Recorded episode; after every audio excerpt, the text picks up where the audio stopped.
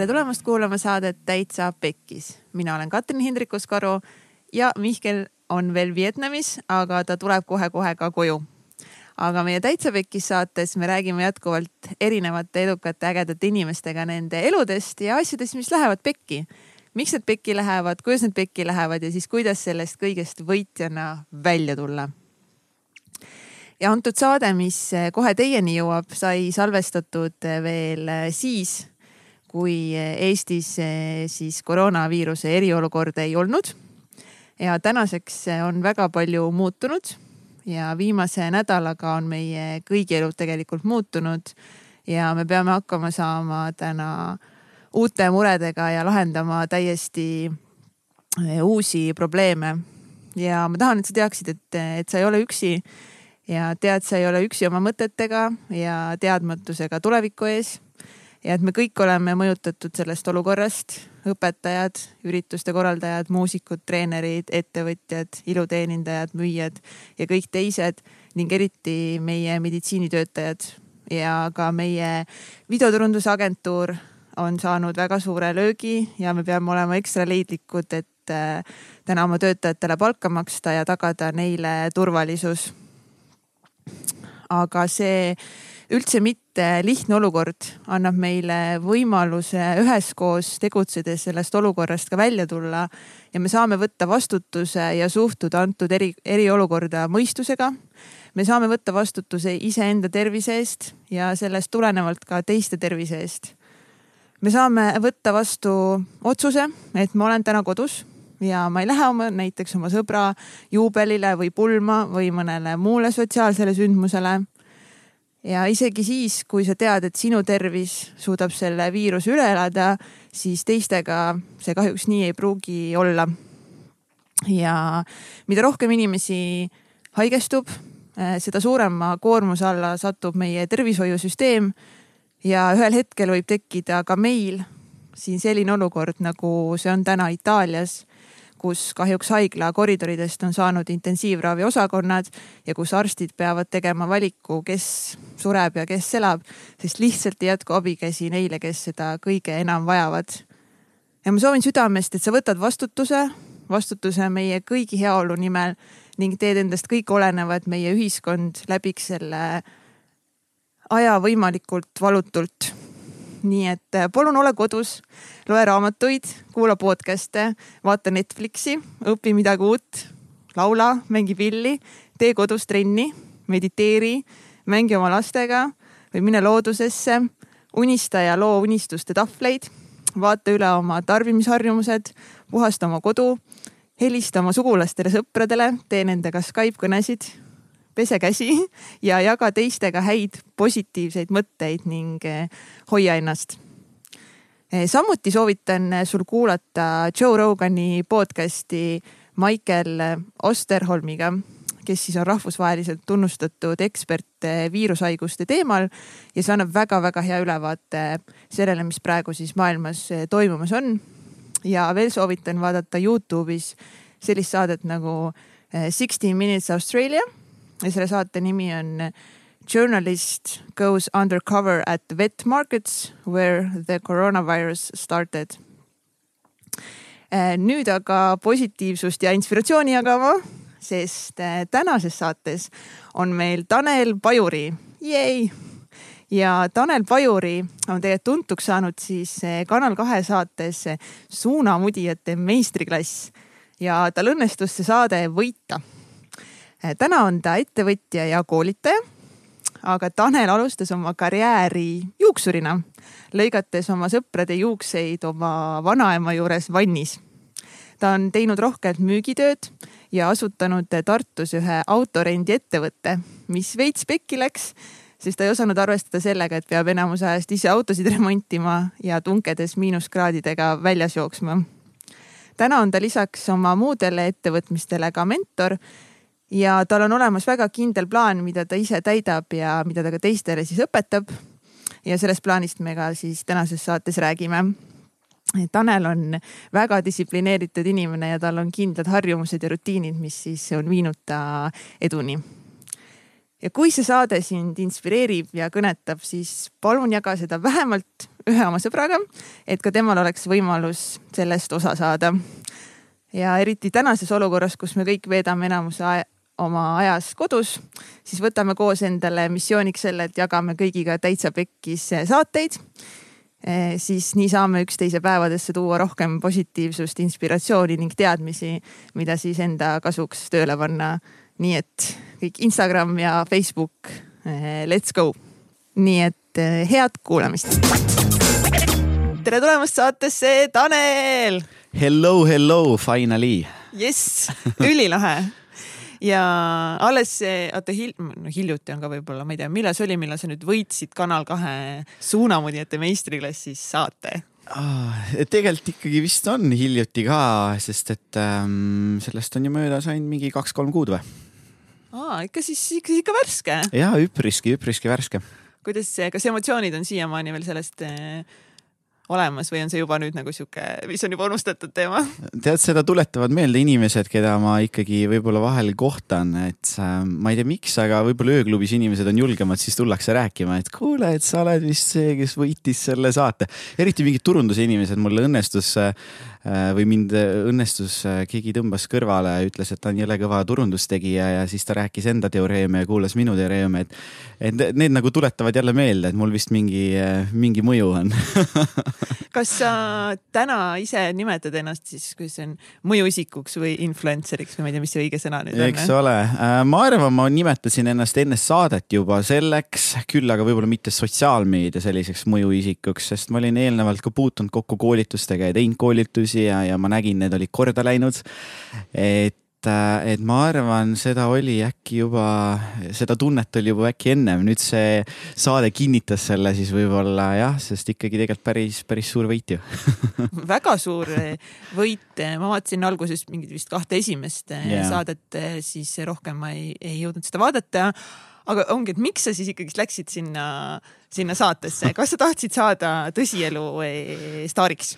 tead, see oli üldse pull aeg, sellepärast et äh, esiteks oli äh, elu just parasjagu äh, keeranud lehekülge ja, ja siis äh, ma otsisin võib-olla ka, et mida teha, ma olin otsustanud, et mu suvi on vaba äh,. ma olin vist üks niisugune kaks-kolm-neli kuud olin endale sellise vaba aja ostnud, et ma ei tee mitte midagi, et ostsin endale sellist vaba aega.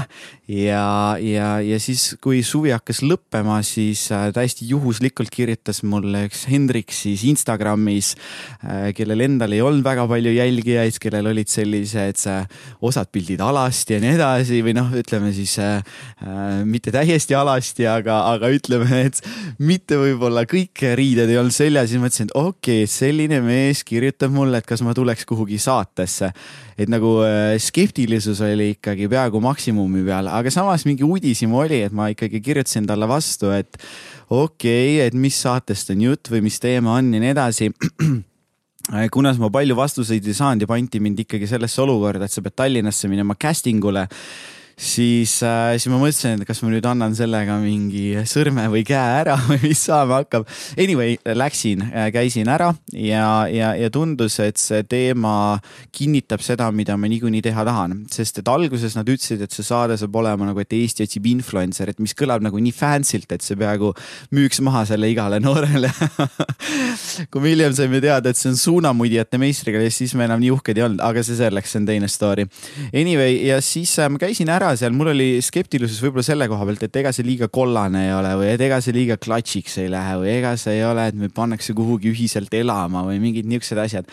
Aga, aga julgust andis see, et nad ütlesid, et seal tuleb Maanteeamet meile partneriks, seal tuleb vist mingi tervishoiu äh, äh või Sotsiaalkindlustusamet ja erinevad nagu mainekad Eesti riigiettevõtted, et see ei saa nii kollane olla ja siis ma mõtlesin, et okei okay, äh,, ma siis võtan selle julguse kokku.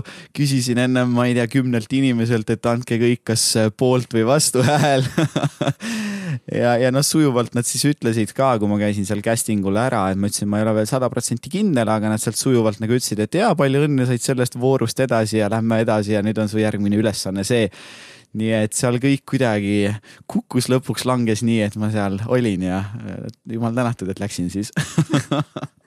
Oota, palju teid siis lõppkokkuvõttes alustas seda, kui see päris nagu saateks saateks ja noh, kõigepealt siis tuli Tallinnasse kolida, eks ole, ja, ja, ja kui meid jah, et noh, et esimene voor siis oli see ja, ja öeldi, et kas sul on siis järgmised poolteist kuud vaba, kui sul hästi läheb ja sa pead Tallinnasse kolima wow. ja siis me leiame sulle elamise ja nii edasi ja ma mäletan seda esimest päeva, kus me sinna läksime, noh, ma Tallinnat nii palju nüüd ei tea küll, aga me oleme praegu mu kodukandis, mis on ülitore. aga me olime kuskil Koplis, nüüd ta on mingi fancy rajoon, aga seal filmitakse vist palju asju, aga mingid vanad lagunenud tehasehooned, nii edasi, meid pandi mingi Põhjala, Põhjala, aitäh, kuhugile mingi kipsi ja ämblikest äh, ära, ma ei tea, kattunud diivani peal istuma ja siis tulid ikka no igasugused värvilised ja sulelised kokku. Ja ma arvan, meid oli alguses seal vist äkki pea kakskümmend. sorteeriti kohe välja kaheksa, et kaksteist said siis saatesse ja siis seal kaksteist, kes olid saates, sealt siis hakati noh, nagu superstaari saatele kombel ükshaaval välja noppima, kes siis nõrgem läheb koju aga kui sa nägid enda nii-öelda siis neid teisi eh, võistlejaid, kes, kellega te siis hakkasite võistlema, kui sa vaatasid neid inimesi, kas sul oli mm. nagu kohe tunne, et nagu come on, ma võidan selle saate mul oli tunne, et Peki, ma olen ikka vist täiesti vales keskkonnas, sest miks, et eks äh, ma arvan, seal oli nagu ikka sellist ähm, ma ei tea, me Tartust kuidagi tuleme, siis me kulgeme, ma ei kutsun seda ka vist niisugune Kampsoni linn, et kõik on mingites Kampsonites kulgevad, kui aega ei ole, siis vahet pole järgmise nurga peal niikuinii trehvame. Aga Tallinnas nagu seal olid ikka väga nagu soengud olid neli korda kõrgemad kui mul ja kes. ja sul mehed... on juba päris kõrge soeng. Eks ole. Mehed, kes seal olid endale meigi teinud ja, ja naised, kellel olid seal mingisugused hullud taustad ja, ja seal olid, kes olid, tulid kohale selliste video ja fototehnikatega, millest ma ei tea, meil Tartus Fotoponis ei müüdagi niisuguseid asju vist onju. et ühesõnaga seal oli nagu selles mõttes, et see näha oli, et kõik olid nagu ja niisugune nagu drive või nagu õhus oli nagu niisugune energia, et kõik olid nagu parasjagu hull action ja nii edasi. võib-olla ma olin oma Tartust Tallinna sõiduga kuidagi nii uimane, et ma ei saanud nagu algul aru, et mul, mul läks nagu aega, et kohaneda. et kindlasti mul pigem oli see tunne, et kas ma nagu olen õiges keskkonnas ja, ja võib-olla ma olen siin üks nõrgematest, kuigi ma nagu läksin võib-olla natuke enesekindlamana sinna, et mul oli selline avaliku esinemise kogemus olnud, mul oli ettevõtjatega suhtlemuskogemus oli olemas varasemalt. Aga, aga siis, kui ma kogu seda kamraadi seal nägin, siis see nagu pani ikka jala värisema. Ja kui pikalt siis kogu see periood oligi, oligi siis poolteist kuud nagu see film? jah, seal oli niimoodi, et et ähm, esimesed viis päeva olid siis täispäevad hommikust õhtuni ja päris nagu pingeline oli selles mõttes, et sa jõudsid siis mingi üheksa-kümne ajal koju, siis sa olid seal ja siis sul mingi läks poolteist tundi mööda, sul saadeti meil, kui sa ise oma meili refresh inud, siis järgmine hommik sa olid vales kohas ja sul oli juba pool ülesannet tegemata jäänud. et kogu aeg sa pidid iga poole tunni tagant oma meili refresh ima, sa pidid postitusi tegema, samal ajal, kuna ma ei teadnud midagi videotöötlusest, pilditöötlusest, mitte millegi sellest, ma õppisin Youtube'is siis nii-öelda, kuidas videot kokku panna, siis tulid uued ülesanded peale, siis hommikul öeldi, et tulete ikka tund varem ja te peate mingisuguseid siis noh, pihikamber, seda me kõik kartsime, onju, et andma siis nii-öelda neid pihikaid, mis te tegite ja mis te arvate ja nii edasi, nii edasi see pinge oli ikka täiega laes ja see kestis niimoodi, et algul siis viis päeva järjest, siis oli nii, et kaks filmime, üks vaba, kaks filmime, üks vaba, kaks filmime, üks vaba. nii see vist kulges terve kuu ja siis äh, loomulikult kõik venis, siis äh, jõudsime veel paar nädalat sinna otsa teha, nii et siis ma käisin ikkagi Tartu vahet ja siis äh, tuli veel seal mingi väike auk ja siis oli jälle uuesti vaja Tallinnasse minna ja siis meile anti finaali ülesanded ja kavalalt tehtud finaali ülesanded, sest me pidime neid finaali ülesandeid täitma umbes poolteist äh, kuud või peaaegu kaks kuud. nii et siis oli see, et nagu kogu aeg midagi oli kuklas pool aastat ongi, aga räägi võib-olla, mis, äh, mis ülesandeid te täpselt pidite seal äh, saates siis täitma? ja no üks asi kogu aeg oli, või no seal oli kaks asja, üks asi asjadest, su tekst ehk siis see, et see, see pilt oli üks asi ja see tekst, et see tekst siis seonduks selle pildiga, ma sain väga palju puid alla sellega, et mu tekst on reklaamlik ja, ja võib-olla. nagu mingi klient või koostööpartner, kellele te pidite hakkama mm? -hmm, aitäh, et sa küsisid ühesõnaga jah, meil olid koostööpartnerid, koostööpartnerid siis näiteks Vapiano, Olerex äh,, siis äh, meil olid seal erinevad prillipoed ähm,. mis oli sinu lemmik oh,, vali, vali mingi näiteks välja. ma arvan, Kellibar oli päris pull, sest me hüppasime seal batuutidega ja möllasime ja noh, igasugust lollust sai seal tehtud ja siis mulle meeldis ka Keynes, äh, siis nii-öelda A Le Coq tuli välja selle Keynes karastusjookidega et seal, äh, see oli üpris lõpupoole, siis ma sain nagu käppa, mis tegema peab. aga alguses siis äh,, äh okei okay,, teile anti nagu mingi koostööpartnerid ja pidite siis hakkama talle kuidagi Just. tegema promo, kas teile anti mingid suunad ka kätte, et te peate mm -hmm. tegema nagu mingit sorti kampaaniat yeah, siis jah? jah, vot äh, väga hea, ühesõnaga noh, näiteks siis meil oli Olerex äh,, klient siis seadistas kõigepealt ära, ütles, et meil on stiilis mingisugune kaks tundi aega või tund aega aega. Ja nad hindavad seal siis nii-öelda sisuliselt kolme aspekti, et üks asjadest on see, et see sinu tekst on ju, et kuidas see nagu, et kas see toetab seda pilti, kas see on kaasahaarav, kas sealt see sõnum tuleb välja, mis me tahame edastada. teine asjadest pilt, et kas see pildi puhul, et esiteks noh, et ta on kvaliteetne ja hea ja samamoodi, et kas see pilt pilt siis nii-öelda toob välja selle, mida me tahame välja tuua, onju, et Olerexil meil oli siis, ta tahtis tuua välja pisipoe kontseptsiooni ja pidime tegema siis karussellpildi, mis tähendab, et kolm järjestikust pilti nagu, et üks pilt siis juhatab teist pilti ja jõuab siis selle asja tuumani.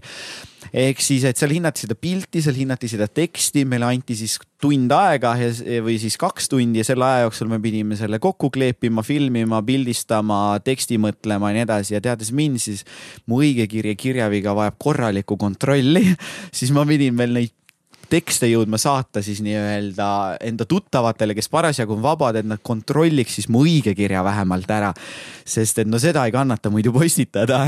nii et äh, see oli äh, jah, noh äh, kõik sada asja korraga või ma ei tea, paras niisugune kaos käis selle tegemistega ka kaasas, aga ikkagi lõppkokkuvõttes tuli sealt päris edukaid töid aga kuidas see protsess sinu jaoks nagu kulges, et kas see kas sa tundsidki juba mõne aja möödudes, et okei okay,, et mul hakkab vist nagu päris hästi nagu sobima see ja meeldima ja et ma saan vist tegelikult nagu hakkama? Tead, see oli niimoodi, et esimesed kolm või esimesed kaks saadet ma olin viimaste seas, ma seisin seal ees, et nüüd ma lähen koju oh,. Wow. ja see pani ikkagi päris tugeva põntsu enesekindlusele, sest äh, ja mis tegi selle olukorra nagu raskeks, oli see, et nad ei andnud tagasisidet, miks sa oled üks viimaste seas. ehk siis sa seisad seal, sa oled midagi teinud valesti ja sul jälle midagi on pekkis, aga nad ei ütle sulle, miks ja siis sa lähed koju ja siis sa proovid magama jääda sellega, et, äh, et sa teed midagi valesti, aga nad ei ütle ka miks ja siis sa saad ennast ju süüdistada miljonis eri erinevas asjas, onju. ja äh, siis äh, kaks saadet vist ma olin viimaste seas, siis üks saade mul õnnestus seal võita mingeid asju, sest seal oli äh, ülesanne see, et me pidime kahekümne nelja tunni jooksul võimalikult palju inimesi saatma siis kinno. Coca-Cola Plazas on, kas see on Sina, Cinnamon või? Coca-Cola Plazas. Coca-Cola Plazas on Cinema Siin... sa mõtled seda mingit saali seal või? mis selle kino nimi on? Coca-Cola Plaza. ongi Coca-Cola Plaza yeah,, aga yeah. kellele see kuulub? Foorum ah,, yeah. Foorum Cinema Coca-Cola Plaza nice. Foorum Cinema eh, ehk siis miks ma seda küsin, sest Tartus ei ole Coca-Cola Plazat. ehk siis Foorum Cinema sellesse ettevõttesse me pidime saatma siis kahekümne nelja tunni jooksul võimalikult palju inimesi, kes siis ostavad eh, sooduskupongiga või koodiga nii-öelda siis kinopileti ja seal ma sain enda tugevust näidata, sellepärast et mul oli või noh, ma juba tollel ajal arvasin, et ma olen mõjuisik ja see näitas, et ma olen, sest kui ma panin sooduskoodi ülesse, ma jäin seal teiseks. kas te tegite põhist, sorry korra, kas te tegite põhist Instagrami? Instagramis postituse ja seal siis üleskutse, et minge nüüd kahekümne nelja tunni jooksul kinopiletid ostma. aga kogu see saade oligi põhimõtteliselt nagu Instagrami? suuresti Instagrami jah, Facebooki tegime ka, aga suuresti Instagram ja Face, mõned Youtube'i ülesanded ka. kui palju sul oli Instagramis jälgijaid, kui sa läksid sinna saatesse? Äh, tead, ma ei mäleta, aga ma arvan paar tuhat ja tulin ära, siis mul oli midagi viie tuhande kanti, et üks kolm tuhat viskas juurde. Äh, me tegelikult arvasime, et rohkem, aga abiks ikka no see on ikka päris tegelikult ikka tugev nagu kasv siukse lühikese ajaga. no ikkagi jaa, aga minnes tagasi su küsimuse juurde, et esimesed saated ma olin viimastes, siis üks mul õnnestus äh, praktiliselt võita. siis ma mõtlesin, jess, lõpuks midagi ma sain pihta. siis tuli kolmas või neljas saade, ma olin jälle viimane ja siis ma olin nagu väga ääre peal tagantjärgi, et nagu seal oli umbes see, et kellel, ma ei tea, natukene parem tuju oli või kelle, kes õigel hetkel kuskil naeratas või, või noh, nagu see oli nagu no nii piiri peal. Ja siis ma jäin õnneks saatesse ikkagi ja siis ma hakkasin nagu pihta saama, et oot-oot-oot-oot, mida me teeme siin ja nii edasi ja siis ma hakkasin järjest seal võitma saateid ja tuli välja, et lõpus ma olin ikkagi olnud nagu favoriit. Äh, aga noh, nad lõikasid ju seda ka kokku sedasi, et nad ei näidanud kogu aeg, et Oi. mul läheb hästi, onju. reality tv noh. see ongi tv, eks ole, ja, ja siis äh, jah, äh, lõpus siis tuli välja, et kui nad helistasid, meil oli kolmkümmend koostööd kolmekümnest koostööst nad võtsid siis tagasiside äh, finalistidele, et kellel siis nii-öelda, kuidas läks ja sealt kolmekümnest seitseteist andsid hääle mu poolt, nii et nagu väga-väga wow, palju, palju koostöid. see on väga lahe. jep, et äh, siis lõpuks sain pihta aga mis mi,, mis sa lõpus nagu arvad, et mis oli see, et nagu miks just sina selle saate siis lõppkokkuvõttes ikkagist nagu võitsid sinu arvates? ja ma arvan mitu asja, aga üks asjadest kindlasti oli see, et ma sain aru, et ma suhtlen ettevõtjatega ja ettevõtjal on niivõrd oluline see, et äh, sa, ta mõistaks seda, et mitte sa ei ole tark, vaata, et tema on tark ja tal on see käekiri ja ta tahab seda. Ehk siis me hakkasime kõik seal influencer ida, oh fa-fa-fa, me oskame kõik imetrikke ja ma teen need pildid nii või naapidi, aga tegelikult ettevõte annab sulle konkreetse skripti ette, ma tahan seda pilti, ma tahan, et mu pildil oleks logo näha suurelt ja punaselt onju. Ja ma tahan, et seal oleks see sõnum. ja, ja ma arvan, ma kõige rohkem kulutasin aega ja ettevõtjad tõid seda välja, et kui ülesande andi kätte, Tanel, sina tulid ainukesena veel küsima meie käest lisaküsimusi, kas te tahate, et see oleks pigem video, kas te tahate, et see oleks pigem pilt, mis te tahate, et siin videos tuleks välja ja nii edasi, eks ma küsisin nagu no nii konkreetselt, mida te siis tahate. Ja siis ma sain ka seda pakkuda. Ehk siis ma sain nagu pakkuda neile konkreetselt seda, mida ettevõtja tahtis. Ja, ja ma arvan, see ongi üks niisugune õppimise koht ka onju, et me tihtipeale arvame ülearu targad kõik me olevat onju, aga lihtsalt vahet pole isegi, kui sa oled targem, paku seda, mida see ettevõtja ootab ja sa saad sealt hea diili või sa saad sealt koostöö või noh, mis iganes see siis su soov või motiiv seal ei oleks. Kas mingid need koostööd, kellega te tegite, arenesid kuidagi nagu edasi sealt ka sinule tänaseks koostööpartneriteks või? ja me oleme Vapianoga täna koostöös äh,, toetavad siis äh, mu koolitusi ja, ja nii rahalise sponsorlusena kui ka siis me oleme saanud, kes meie koolitusel käivad või siis mu koolitusel käivad äh,, neile ka discount'i, et kui nad saavad lõunat minna, nad saavad seal allahindluse. Näpsi äh,, nemad äh, otsustasid, et nad tahavad terve aasta minuga koostööd teha äh,. siis tegid sellise äh, aastase koostöö ja siis äh, Ähm, on veel nipet-näpet seal miskit, aga, aga ma ei ole nagu veel võib-olla ise olnud ka äh, soovi avaldanud, et ma tahaks sealt edasi minna, jah. aga kas sa tunned, et see kogu see kogemus telesaates ja see, et sa selle võitsid, on sulle pigem tulnud kasuks nüüd? Ma arvan, ikka on tulnud kasuks, ma arvan, ta on üks pisikene nurgakivi, äh, mis annab nagu võimaluse edasi kiiremalt ja efektiivsemalt laduda järgmiseid. kas nüüd ei olegi nii, et sa oled nüüd rikas ja kuulus ja nüüd on mingi kõik uksed on valla ja ma arvan seda, et, et äh, ma sain nagu noh, midagi sai tõestatud, et midagi tuleb välja, onju, ja, ja, ja natuke sai nagu nime tehtud ja praegu on nagu kibekiire, äh, et seda kinnitada, sest et noh, me teame isegi, kui palju on igasuguseid superstaari võitjaid olnud, aga lõpus on need, kes on kolmandaks ja neljandaks jäänud, on need, keda me teame.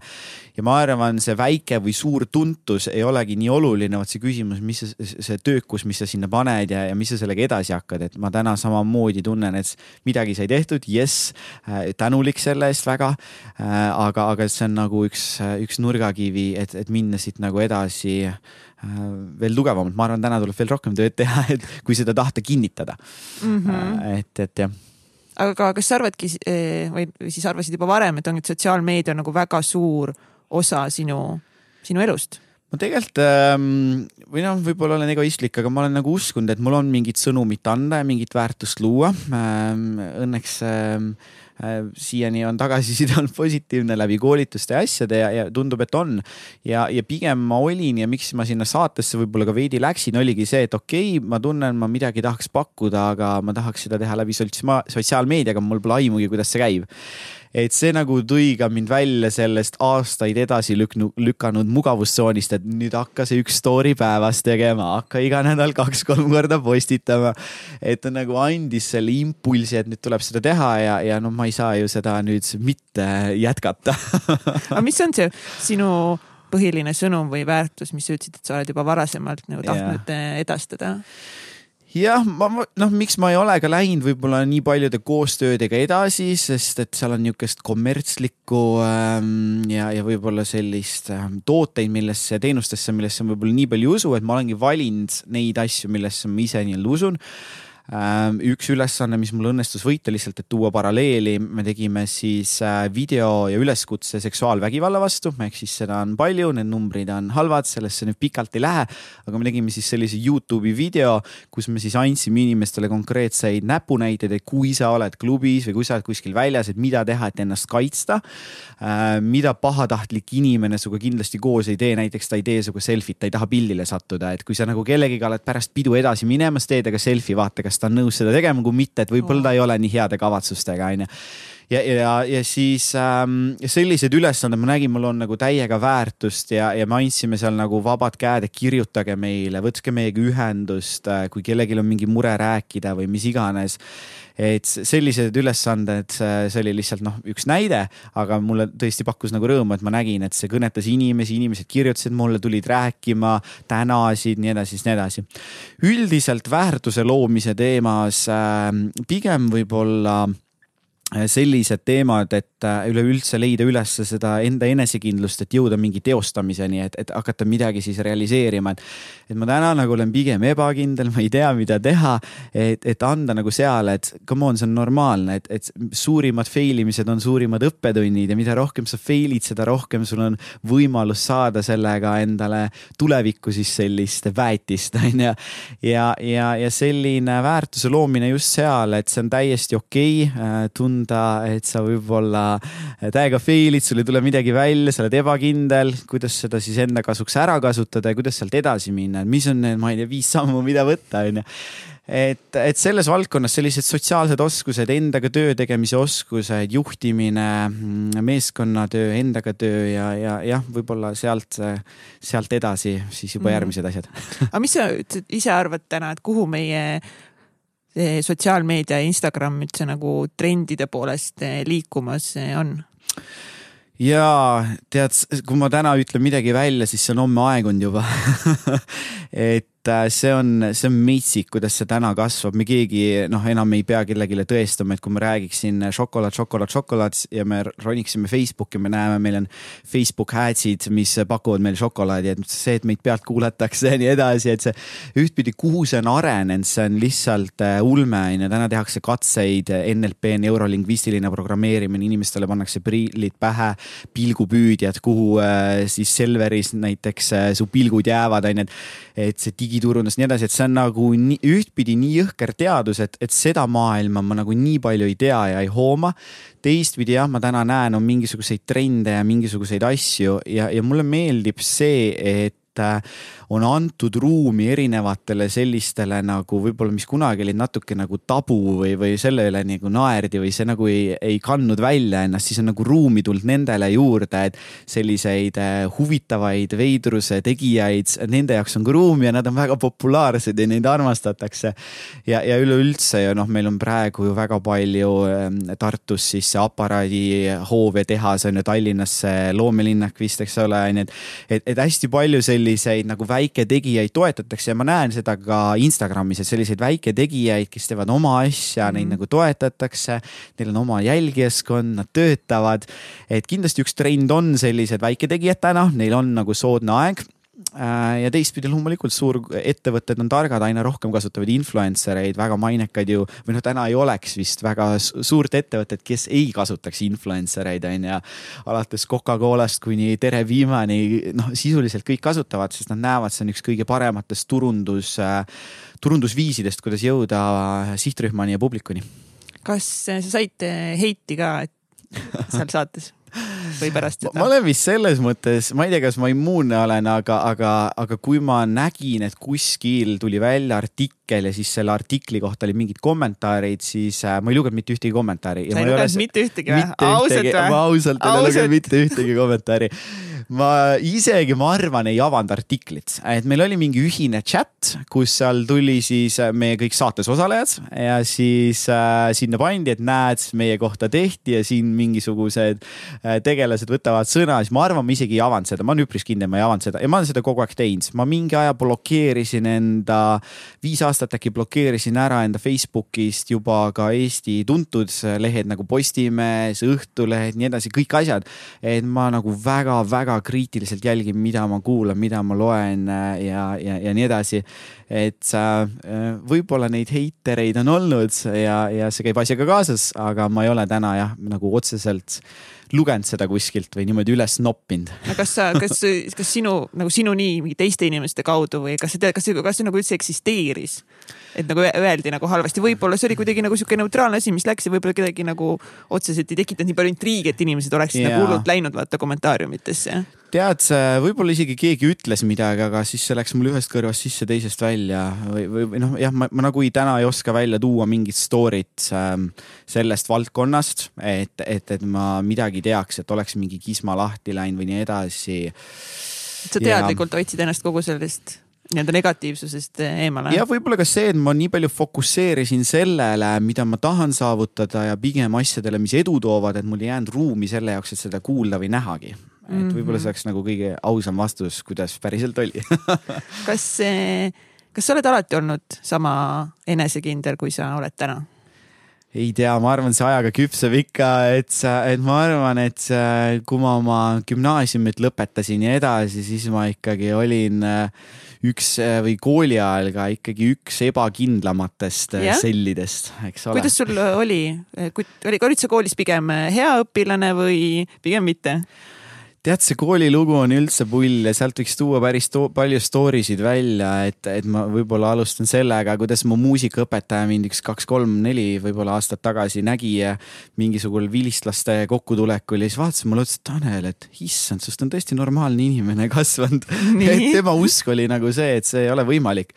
ja, ja pigem kooli ajal ähm, oli sedasi, et noh, ma ei olnud kunagi nagu tubli õpilane võib-olla selle koha pealt, et mul oleks mingid väga head hinded ja ma ei olnud ka tubli õpilane selle koha pealt, et ma oleks midagi kuulanud, mis, mis tegema peab, et selline nagu tähelepanuvajadus kuskilt mujalt ja, ja selline õpiraskus ja, ja ärevus käis minuga ikka igal pool kaasas. ja, ja päris tõsiselt, et äh, nüüd ma saan sellest võib-olla hiljem rohkem aru, kooli ajal ma ei saanud midagi aru, et see väga viga on äh,. ma mäletan, võib-olla kõige kriitilisemaks läkski, kas kaheksas klass on see aeg, kus tehakse mingit tasemetööd, et valmistuda ette üheksandaks äkki ja, ja see seitsmes-kaheksas klass, meil tuli uus klassijuhataja ja mind ähm, võeti ikkagi nagu täiesti tükkideks seal nagu, et sa nagu sisuliselt ei oska nii eesti keelest kui matemaatikast kui inglise keelest ja kõigest muust mitte midagi. Wow.. et ainuke, mis sul võib-olla välja tuleb, on mingi savitöö ja puidud. Ja, ja selles mõttes äh, siis ma nagu hakkasin aru saama, kuigi see oli ennem ka olnud, aga ma seda lihtsalt ei kuulnud. Ja noh, see võib-olla ongi minu üks niisugune oma olnud, et ma, ma ei tea, ma lihtsalt vist ei kuule väga palju negatiivset ja kriitikat, et ma ei tea, võib-olla nii on mind sellega õnnistatud siis. aga siis ma nagu esimest korda kuulsin või jõudis mul kohale, et midagi on pekkis ja mis mulle meelde jäi, oli see, et äh, oligi asi sealmaal, et, et ähm, kunas meie kooli ähm, ütleme standard või õpinormid ei olnud mingid hullult kõrged, et me peaksime mingeid kindlaid suuri tulemusi saama, et me pigem saime nagu koolis ka kulgetud kuidagi aga kui sellest kulgemisest ka ei piisa ja mind tahetakse siit koolist võib-olla visata välja, et panna nagu siis, ma ei tea, kool veel kehvema vastu, ma ei tea, mis see tol ajal siis oli, kus nädal aega oled koolis ja siis nädal aega kodus või, või noh, ma ei tea, kuidas see täpselt oli, siis ma sain nagu aru, et, et nagu see on nagu kõige kehvem koht, kus olla, et ma ei saagi nagu siit väga palju kehvemasse kooli sattuda. Äh, äkki Maasing oli üks valikutest ja teine oli mingisugune, ma ei tea, kuidas seda kutsutakse, on see siis äh, äh, lihtsalt ma ei tea, kuidas seda kutsutakse, Puiestee tänaval Tartus. Ja mm, ja siis ma sain nagu aru, et okei okay,, et ma vist pean nagu midagi koolis ka pingutama või et nagu mul vist päriselt nagu ei tulegi midagi välja nihukestest ainetest, mille peale lõpuks mingit tööd esitatakse. okei okay,, aga siis, mis siis sai? Siis sa ikka, kas sa muutsid midagi või sa?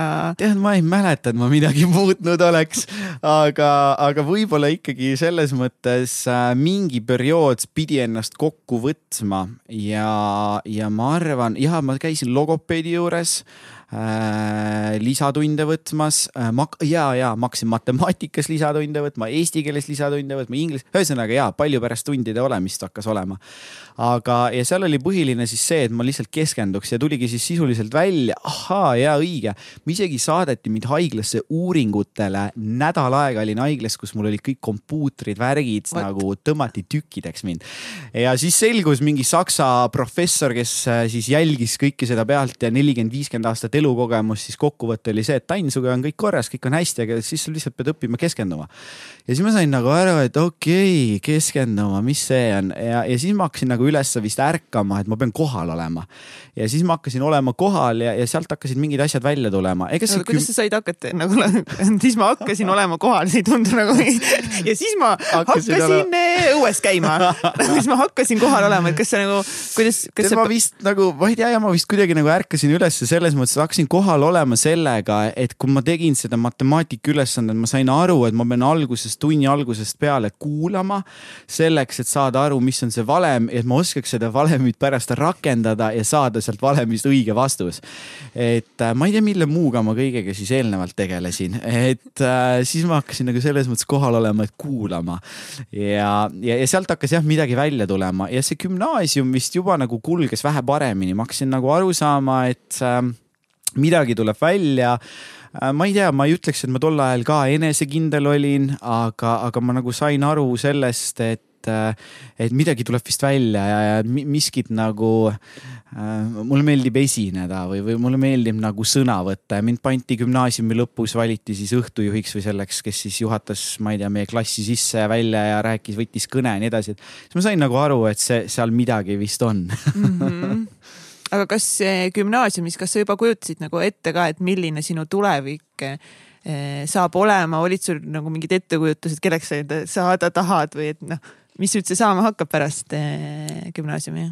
tead, pull aeg üldse, võib-olla kerin natuke lihtsalt veel korraks tagasi mõtlesin kogu aeg, et kelleks saada ja mul oli oluline see, et see töö võiks olla okei okay,, nagu täitsa tore ja sellest võiks hästi raha saada. ja ma arvan, peaaegu gümnaasiumini ma mõtlesin kokaks, sest ma ei teadnud, et selline asi on olemas nagu firmajuht. ma ei teadnud, et on olemas mingi tegevjuht, ma ei teadnud, et on olemas mingeid kohtasid, kus makstakse reaalselt ka hästi nii et ma nagu põhimõtteliselt gümnaasiumi lõpuni libistasin sellega, et noh, kokk on vist see, kus saab enam-vähem raha ja mulle süüa meeldib teha ka. Eh, gümnaasiumis ma sain aru, et pekki, et kokaks vist ikka päris mitte. Miks sa, miks sa, kuidas sa selle tõdemuseni jõudsid? et ikka ei maksa nii hästi raha. Ja, ja siis ma ähm, gümnaasium, ahah, ja gümnaasiumis oli sedasi, et kümnenda klassi lõpus, vahetult enne üheteistkümnendat klassi, mu üks tol, tolle aja parimatest sõpradest palus, et kuule, tule lõika juukseid mul ja ma olin nagu, mis mõttes juukseid, et ma ei ole kunagi juukseid lõiganud.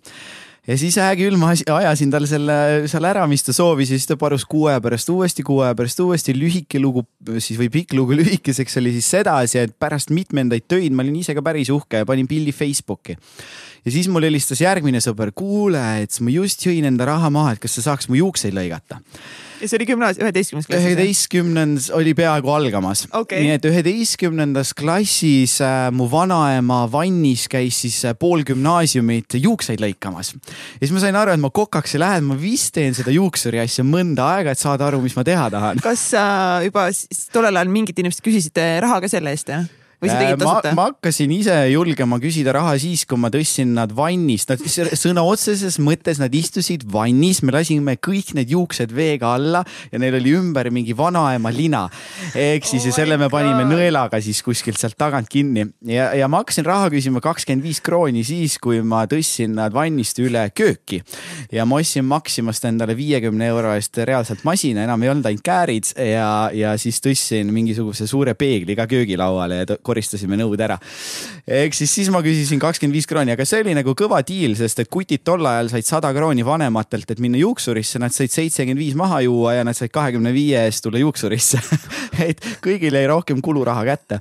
ja siis gümnaasiumis ma tegin seda, nüüd kui gümnaasium lõppes. oota, aga kas sa selle, kas sa siis mõtlesidki, et nagu päriselt, et, et see, et et see on nagu sihuke äri, mida saab nagu teha, kas sa nagu siis hakkasid seda äri tegemise mõtet Tead, nagu seedima kuidagi või, või pigem mitte? pigem mitte, pigem ma nagu arvas, avastasin selle, et jumal tänatud, ma ei lähe kokaks, et mul nagu midagi äh, muud on veel ja siis ma mõtlesin seda, et äh küll, et kui ma lõpetan gümnaasiumi, et juuksurikool on poolteist aastat, see on vähe fancy, me teenime äkki natuke rohkem ka.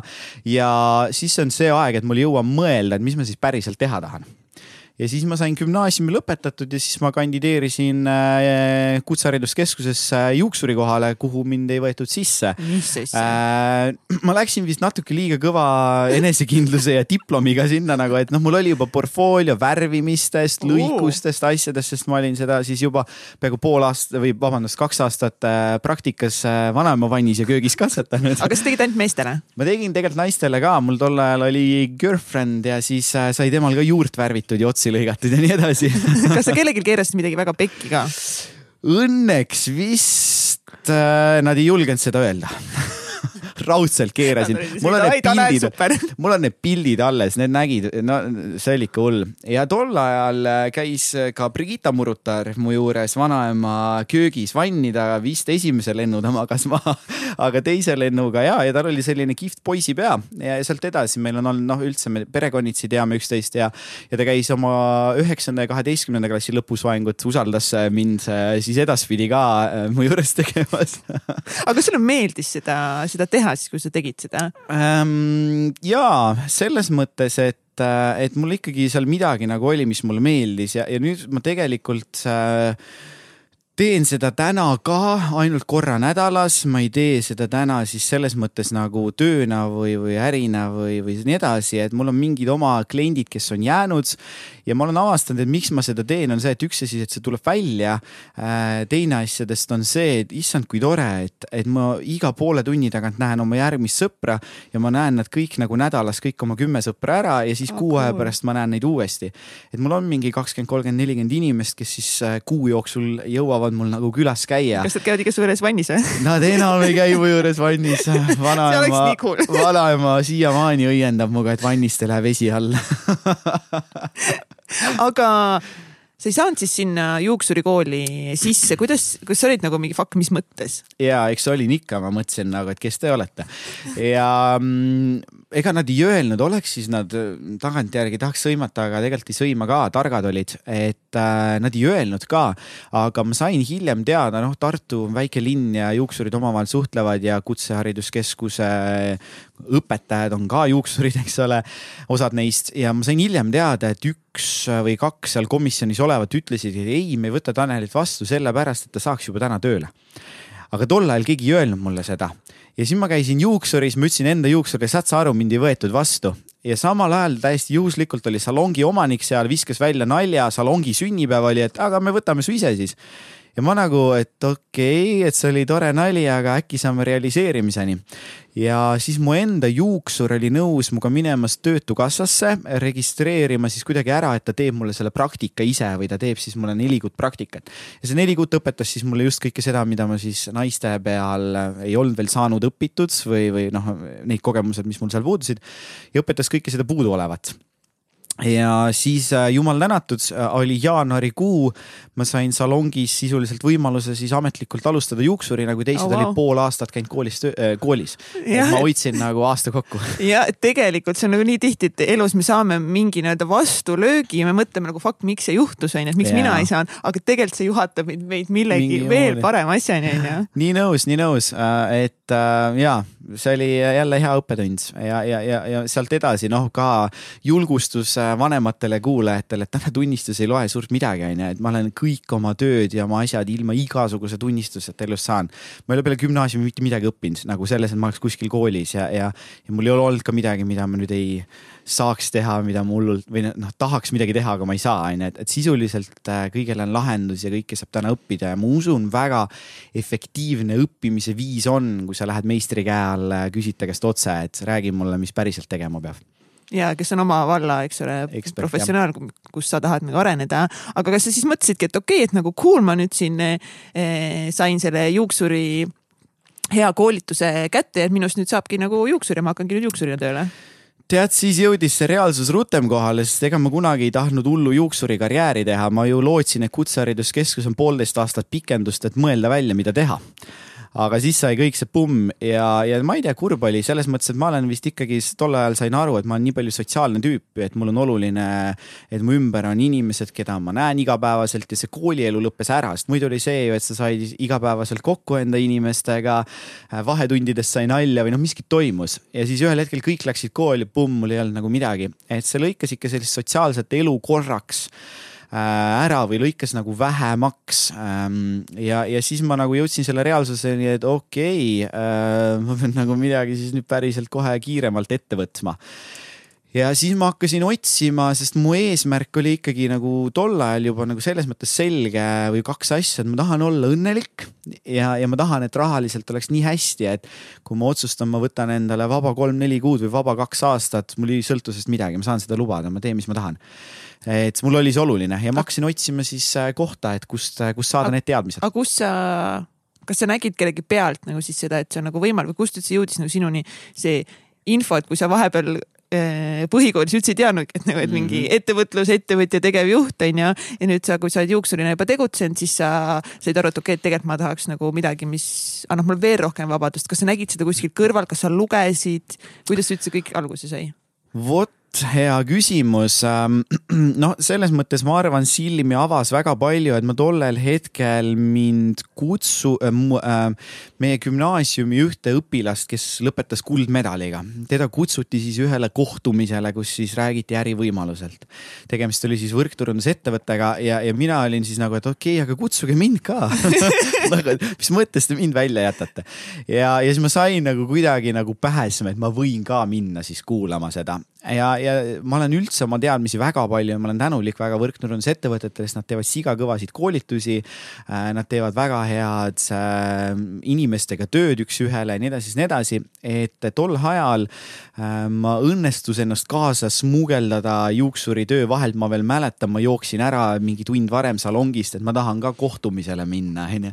ja siis oli seal infotund ja seal noh, räägiti üleüldse selline eneseareng ja mis on võimalik saavutada ja nii edasi, et ma arvan, ma sain sealt päris palju nagu usku ja küsimustele vastuseid. ohoh, selline maailm eksisteerib, see on olemas äh, ma pean vist hakkama rohkem investeerima endasse, et ma vist olen ikka nagu päris vaene, sest et mul ei ole üldse teadmisi täna noh, on ju, et selles valdkonnas et ma pean nagu oma rikkust kõigepealt seestpoolt kasvatama, on ju, sellega, et ma pean kõigepealt teadmisi äh, saama, ma pean harjumusi looma, ma pean töökuse saama, iseenda töö, töö siis nii-öelda iseenda kallal ja, ja järgnevad asjad, et sealt nagu see pisik võib-olla tuligi pärast gümnaasiumi selline Äh, selline jah, või noh, see avas nagu natuke uksi mm. -hmm. ja mis siis, mis siis edasi hakkaski toimuma? edasi siis äh,, vot siis ma sain oma esimese enesekindluse tuhina vist, et okei okay,, nüüd mul on mingeid teadmisi, et kuidas äri ajada või nüüd ma nagu veits tean ja ma võiks selle välja isegi scroll ida, ma arvan, peaks seda mõni päev tegema, mis see lause oli, mis ma kirjutasin Toomas Välile, kes on täna ka Million Mindseti üks kirjastusettevõtte osanikest. Million äh, Mindset, shout out kes on ka meie sponsor. just, eks ole, täiega lahe, te teete tegijatega täiega koostööd ja, ja Million Mindseti Toomas Välile siis kirjutasin ja ma kirjutasingi talle vist umbes midagi sellist, et nüüd ma saan aru, et ma pean hakkama endasse investeerima, ma pean hakkama lugema ja ma pean tegema neid asju, mida edukad inimesed teevad ja siis oli tulemas Norras üks enesearengu koolitus. Äh, ma täpselt ei mäleta, mida nad seal äh, pakkusid veel kõigele lisaks, aga ma saan aru, see lubadus oli umbes see, et kui sa tuled siia koolitusele, siis sa saad kolme päeva jooksul kõik need teadmised, et kui sa lähed Eestisse tagasi, sõitsid ennem jalgrattaga, siis sa sõidad pärast Ferrari'ga. noh, see oli mingi miljonär main-, mingi või miljon mingi no,. see mingi... oli midagi sellist, et sa saad jah, umbes mitte üle miljonäriks, aga me anname sulle tööriistad okay. ja, ja ma olin gümnaasiumi lõpetanud, ma olin nagu jess, nagu mis mõttes, ma olen nagu võitnud juba sellega, et ma sain nagu teada, kus sellised, kus need salakohtumised toimuvad.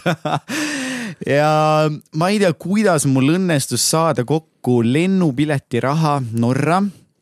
See oli mu esimene lennureis, ma arvan, ma kogu aeg kartsin kõigepealt, et kas me üldse alla kukume, nagu me no. kõik teame, esimene lennureis, siis sa nagu mõtled, kuidas see üldse võimalik on, nii edasi ma sain kuidagi Norra, ma olin siis kaasas, oli mu üheksanda või oli see gümnaasiumi, vabandust, gümnaasiumi äh, lõpuülikond ja mõned riidehilbud veel. kuidagi õnnestus kellegiga vist klapitada koolituse pilet, mis oli umbes kaks või kolm lennupileti hinda. Ja meil ei olnud söögiraha ja meil ei olnud majutust ja ma ei tea, mis ma, kas ma jälle magasin või nagu, mis toimus, et ma ühel hetkel olin seal ja siis ma sain aru, et okei okay,, kõva, meil on nagu koolitus kolm päeva, aga kus me magame. ja õnneks oli mingeid Eesti tüdrukuid veel, kes osalesid sellel koolitusel ja me kuidagi jäime neile sappa ja nad olid meist üks neli-viis aastat äh, vanemad, nii et me olime nagu neile põhimõtteliselt mingid tatikad ühesõnaga onju aga äh, me siis andsime neile nagu vihjata, et meil ei ole ööbimiskohta ja nad olid võtnud Norras mingi kõige odavama hosteli, kus on kaheksa inimest ühes toas. Ja ma ei tea, kas neil hakkas siis kahju, nii et me saime osade nende tüdrukute kaisu magama sinna hostelisse äh, siis äh, oma, oma öö kuidagi ära veeta. esimene öö läks hästi. Teine öö oli vähe kehvem, sest et vaadati vist ka, et kuidagi palju rahvast läheb meil hostelisse sisse, aga me nagu nii palju registreerinud ei ole inimesi ja siis öösel kell viis turvad lendasid sisse, vaatasid, et oot-oot-oot-oot-oot-oot, et siin on päid rohkem, kui on nii-öelda voodikohtasid ja sisuliselt meid tiriti välja siis kusagilt kaisust äh, ühe inimese voodist, visati Norra öösel tänavatele ja wow. siis me ootasime seal hommikul äh, siis, et äh, konverentsi uksed avatakse, et me saaksime siis minna uusi teadmisi omandama ja üks öö oli veel jäänud. Äh, see, et me olime eelmine öö üldse kehvalt maganud ja nii edasi, siis nii edasi, siis see viimane öö meil ei olnud üldse öömaja, sest noh, me sinna hostelisse enam nägu ei näidanud ja siis nagu sisuliselt me mõtlesime, et okei okay,, et äh, mida me siis teeme ja ainuke, mis siis pähe tuli, et kus siis turvaline on, lähme lennujaama. Ja siis me lihtsalt käisime koolitusel ära. me käisime, läksime pärast koolitust lennujaama, lend läheb sul, ma ei tea, mingisugune neljateist või kuueteist tunni pärast. ma olin oma äh, läikiva hõbedase ülikonnaga, mis ma olin üheksanda klassi lõpuks lasknud veel seal õmmelda äh,, siis selle ülikonnaga seal. Ja ühel hetkel ega muud ei olnud, et äh, tuli ju paar tundi puhata, nii et ma magasin selle ülikonnaga siis lõpuks lennujaama põrandal, nii et ma tõmbasin panin selle pintsaku endale üle pea, et keegi mu nägu jumala eest ei näeks. ja siis üks läikiv kosmonaut põhimõtteliselt magas seal kusagil äh, põrandal ja nii edasi, nii et see oli selline esimene lennureis, esimene koolitus, äh, esimene selline käik, esimene investeering päriselt iseendasse ma tagantjärgi ei ütleks, et mingi hull vau-efekt sellest tuli, aga ma arvan, see oli piisav, sest ma täna olen siin, kus ma olen ja suuresti ma arvan ka tänu tollele äh, koolitusele. et lõpuks kõik see oli väärt eh, seda ah,, seda struggle'it on ju. igal juhul ja, ja, ja, ja igal juhul oli väärt. nii, aga kas sa siis noh, kas sa said sealt nagu motivatsiooni siis eh, sealt Norrast nii palju juurde, et, et tegutseda enda unistuste nimel ja näha vaeva ja? Tead, ma arvan, ma sain kõigepealt aru, kui rumal ma olen. et selles mõttes ähm, noh, edukatel on ju nii palju toredaid harjumusi nagu töökus äh,. nagu see, et sa kuulad, sa räägid ise vähem, aga kuulad rohkem äh,. suhtumine ähm,, äh, enesekindlus, riietus, nagu et seal on nii palju asju ja ma sain nagu aru, et ma ei tea mitte midagi et äh, seal olid ikkagi maailma mingisugused väga kõvad tegijad, kas ma võin isegi võib-olla eksida, aga, aga see võis olla, kes teenivad umbes veerand miljonit äh, ühes kuus või noh, ma ikkagi käisime nagu mingeid väga top-top tegijaid kuulamas. ja, ja, ja ma sain nagu võib-olla kõigepealt seda aru, et ma ei tea mitte midagi ja see võib-olla oli oluline selleks, et ma üldse süveneks rohkem, hakkaks rohkem raamatuid lugema, hakkaks rohkem koolitustel käima, ma sain aru, et ma nagu heas mõttes pean ikkagi nagu normilt äh, enda kallal tööd tegema selleks, et mingeid tulemusi saada, aga ma sain jah, siis selle motivatsiooni, et iseenda kallal tööd teha, võib-olla küll sealt mm. -hmm kas, kas mingi periood siis, kui võrkturundus oli ka suur osa nagu sinu elust ja sa arvasid, et sa tegeled mingi periood ongi sellega? Jah, selles mõttes, et ma kasutasin alati võrku ära sellega, et ma sain sealt väga palju koolitusi, väga palju enesearengut ja nii edasi ja ja, ja jumal tänatud, selline tööstusharu eksisteerib, äh, kus äh, tegelikult tuuaksegi maailma nagu tipp, tipptegijad meile võileiva hinna eest, noh, see on see, mida võrkturundus täna teeb, et ta, ta toob maailma väga kõvad tegijad siis võileiva hinna eest inimestele kättesaadavaks. Ma sain sealt väga palju teadmisi, väga palju enesekindlust, väga palju seda, ma ühel perioodil kindlasti ka uskusin, et see on väga kõva karjääri tegemiskoht ka mulle ma tegelikult ka õnnestus ehitada väga edukalt Eestis äh, mingi perioodi äh, võrkturundusettevõtet. ja mm, jah, ma arvan, seal on ikkagi nagu päris suur roll ka minu elus, et ma sain sealt nagu päris palju. ja, ja kindlasti oli ka seal palju fail imist, et, et võrk annab ka kindlasti algul hulga entusiasmi. aga kas sa reaalselt nii-öelda ka kohe jõuad sinna on ju mingisuguste tulemusteni, seda mitte. et, et see, see entusiasm entusiasm, mis löödi ülesse, et äh, sealt ikkagi nagu mitu korda pidi tulema reaalsusesse korra tagasi. ja, ja see oli ka nagu raske aga mis, mis hetkel sa siis, siis, kas hakkasid siis proovima nagu mingeid muid äh, ärisid ka või, või millega sa siis üldse edasi hakkasid tegelema? Jaa äh,. kas tegid juuksuritööd ka ikka nagu konstantselt vahepeal? tead, see juuksuri asi oli kogu, see oli, see suu, juuksuri asi vist oli ainult korraks sedasi, et ma käisin kolm päeva nädalas tööl. ja siis see kohe kukkus kaks päeva nädalas tööl ja siis see kukkus korra nädalas tööl ja, ja see ei olnud kunagi nagu arvestatav võib-olla sissetulek ja ma ei tea, miks ma nagu, must mingi osa ei suutnud anda enda vaba aega ära nii palju sellele, et ma vahetan selle nagu siis sellisel näol raha vastu. et ma ikkagi oma suurem osa vabast ajast siis proovisin leida ja proovisin erinevaid asju ja, ja, ja ma tegin müüki ja ma tegin otsemüüki kaubanduskeskustes ja, ja ma aitasin teistel müüki teha, sest mul tuli see hästi välja, ma tegin telefoni teel müüki. ma aitasin mingeid organisatsioone juhtida, ma aitasin turundust teha keskmise ja väikese suurusega ettevõtetele ähm, ma nagu kulgesin siin ja seal päris palju. sa said aru, et see müük, et müük on nagu see midagi, milles sa oled väga hea ähm,? ma ei tea ähm,. nagu kaubanduskeskuses kas müüki teha on nagu päris hardcore. jaa, see on raske, see on siga raske. ma ei tea, kas ma siiani ütlen, et ma selles olen nüüd väga hea, aga vist väidetakse nii, võib-olla ma, mu ettekujutlus on midagi veel teist aga ma sain aru, et suhtlemine ja sellised sotsiaalsed oskused on mu üks tugevustest ja, ja ma sain aru sellele, et mul meeldib ikka nagu palju rääkida ka, et, et ju mul on nagu natuke koolitaja pisikut, siis äh, tänases vormis on see nagu eriti välja tulnud. sest mu vana-vanaema oli õpetaja, mu vanaema oli õpetaja, mu ema oli õpetaja, millest ma sain ka hiljaaegu aru, et ahah, okei okay,, sealt vist tuli see.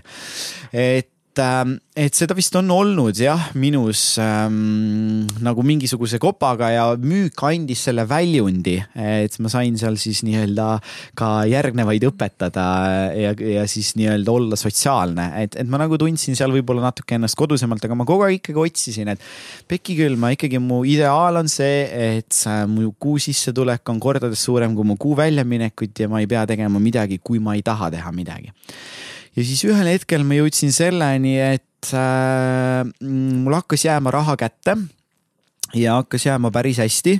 tänu ja, siis müügitööle? tänu müügitööle ja, ja tänu sellele jah, jah, suuresti vist ikkagi see oli müük, jah, müügist tuli see enamikult ja siis ma hakkasin avastama, et okei okay,, cool äh,, sellega tuleks midagi edasi teha ja siis ma ehitasin endale, hakkasin ehitama üles autorendifirmat ja, ja me jõudsime selleni, et meil oli siis peaaegu üks kümmekond autot. kui vana sa olid siis? siis ma olin, keerame nüüd üks kolm aastat okay. tagasi või? jah aeg lendab nii ruttu, äkki üks kolm aastat tagasi, midagi sellist jah. kust siis... teil üldse see mõte tuli, et hakkaks autorendi? autorenti tegema äh, passiivne, passiivse tulu pärast okay.. ehk siis, et sa rendid auto välja, see sõidab kuu aega ringi. Äh, sul muresid on jõle vähe, midagi sa ei tee, nii tore, klient toob auto tagasi ja sa oled teeninud raha ja tangid vahepeal autot. täiega lahe, issand, nii kihvt onju. aga ainukene nagu, mida me läbi näinud oli see, see lõpptulemus, et me olime nagu ühe sõbraga algul tegime tegin üksi, mul läks edukalt, ma võtsin sõbra juurde, et minna veel suuremaks. mida me läbi näinud, et me olime nagu lõpuks täiskohaga remondivennad, sest kõik autod on kogu aeg katki kes sai parkimistrahve, kes sai kiirusetrahve, see on üks kategooria, teine kategooria on see, kus jooksid mingid mootorid Riias kokku. ja wow. kolmes kategooria oli see, et mingisugused lingid jäid pihku või kojamehed ei töötanud ja siis me saime nagu aru, et mida helli nagu, see pidi passiivne olema, et me ei tee midagi, aga see on kuradi aktiivne, me kogu aeg teeme midagi.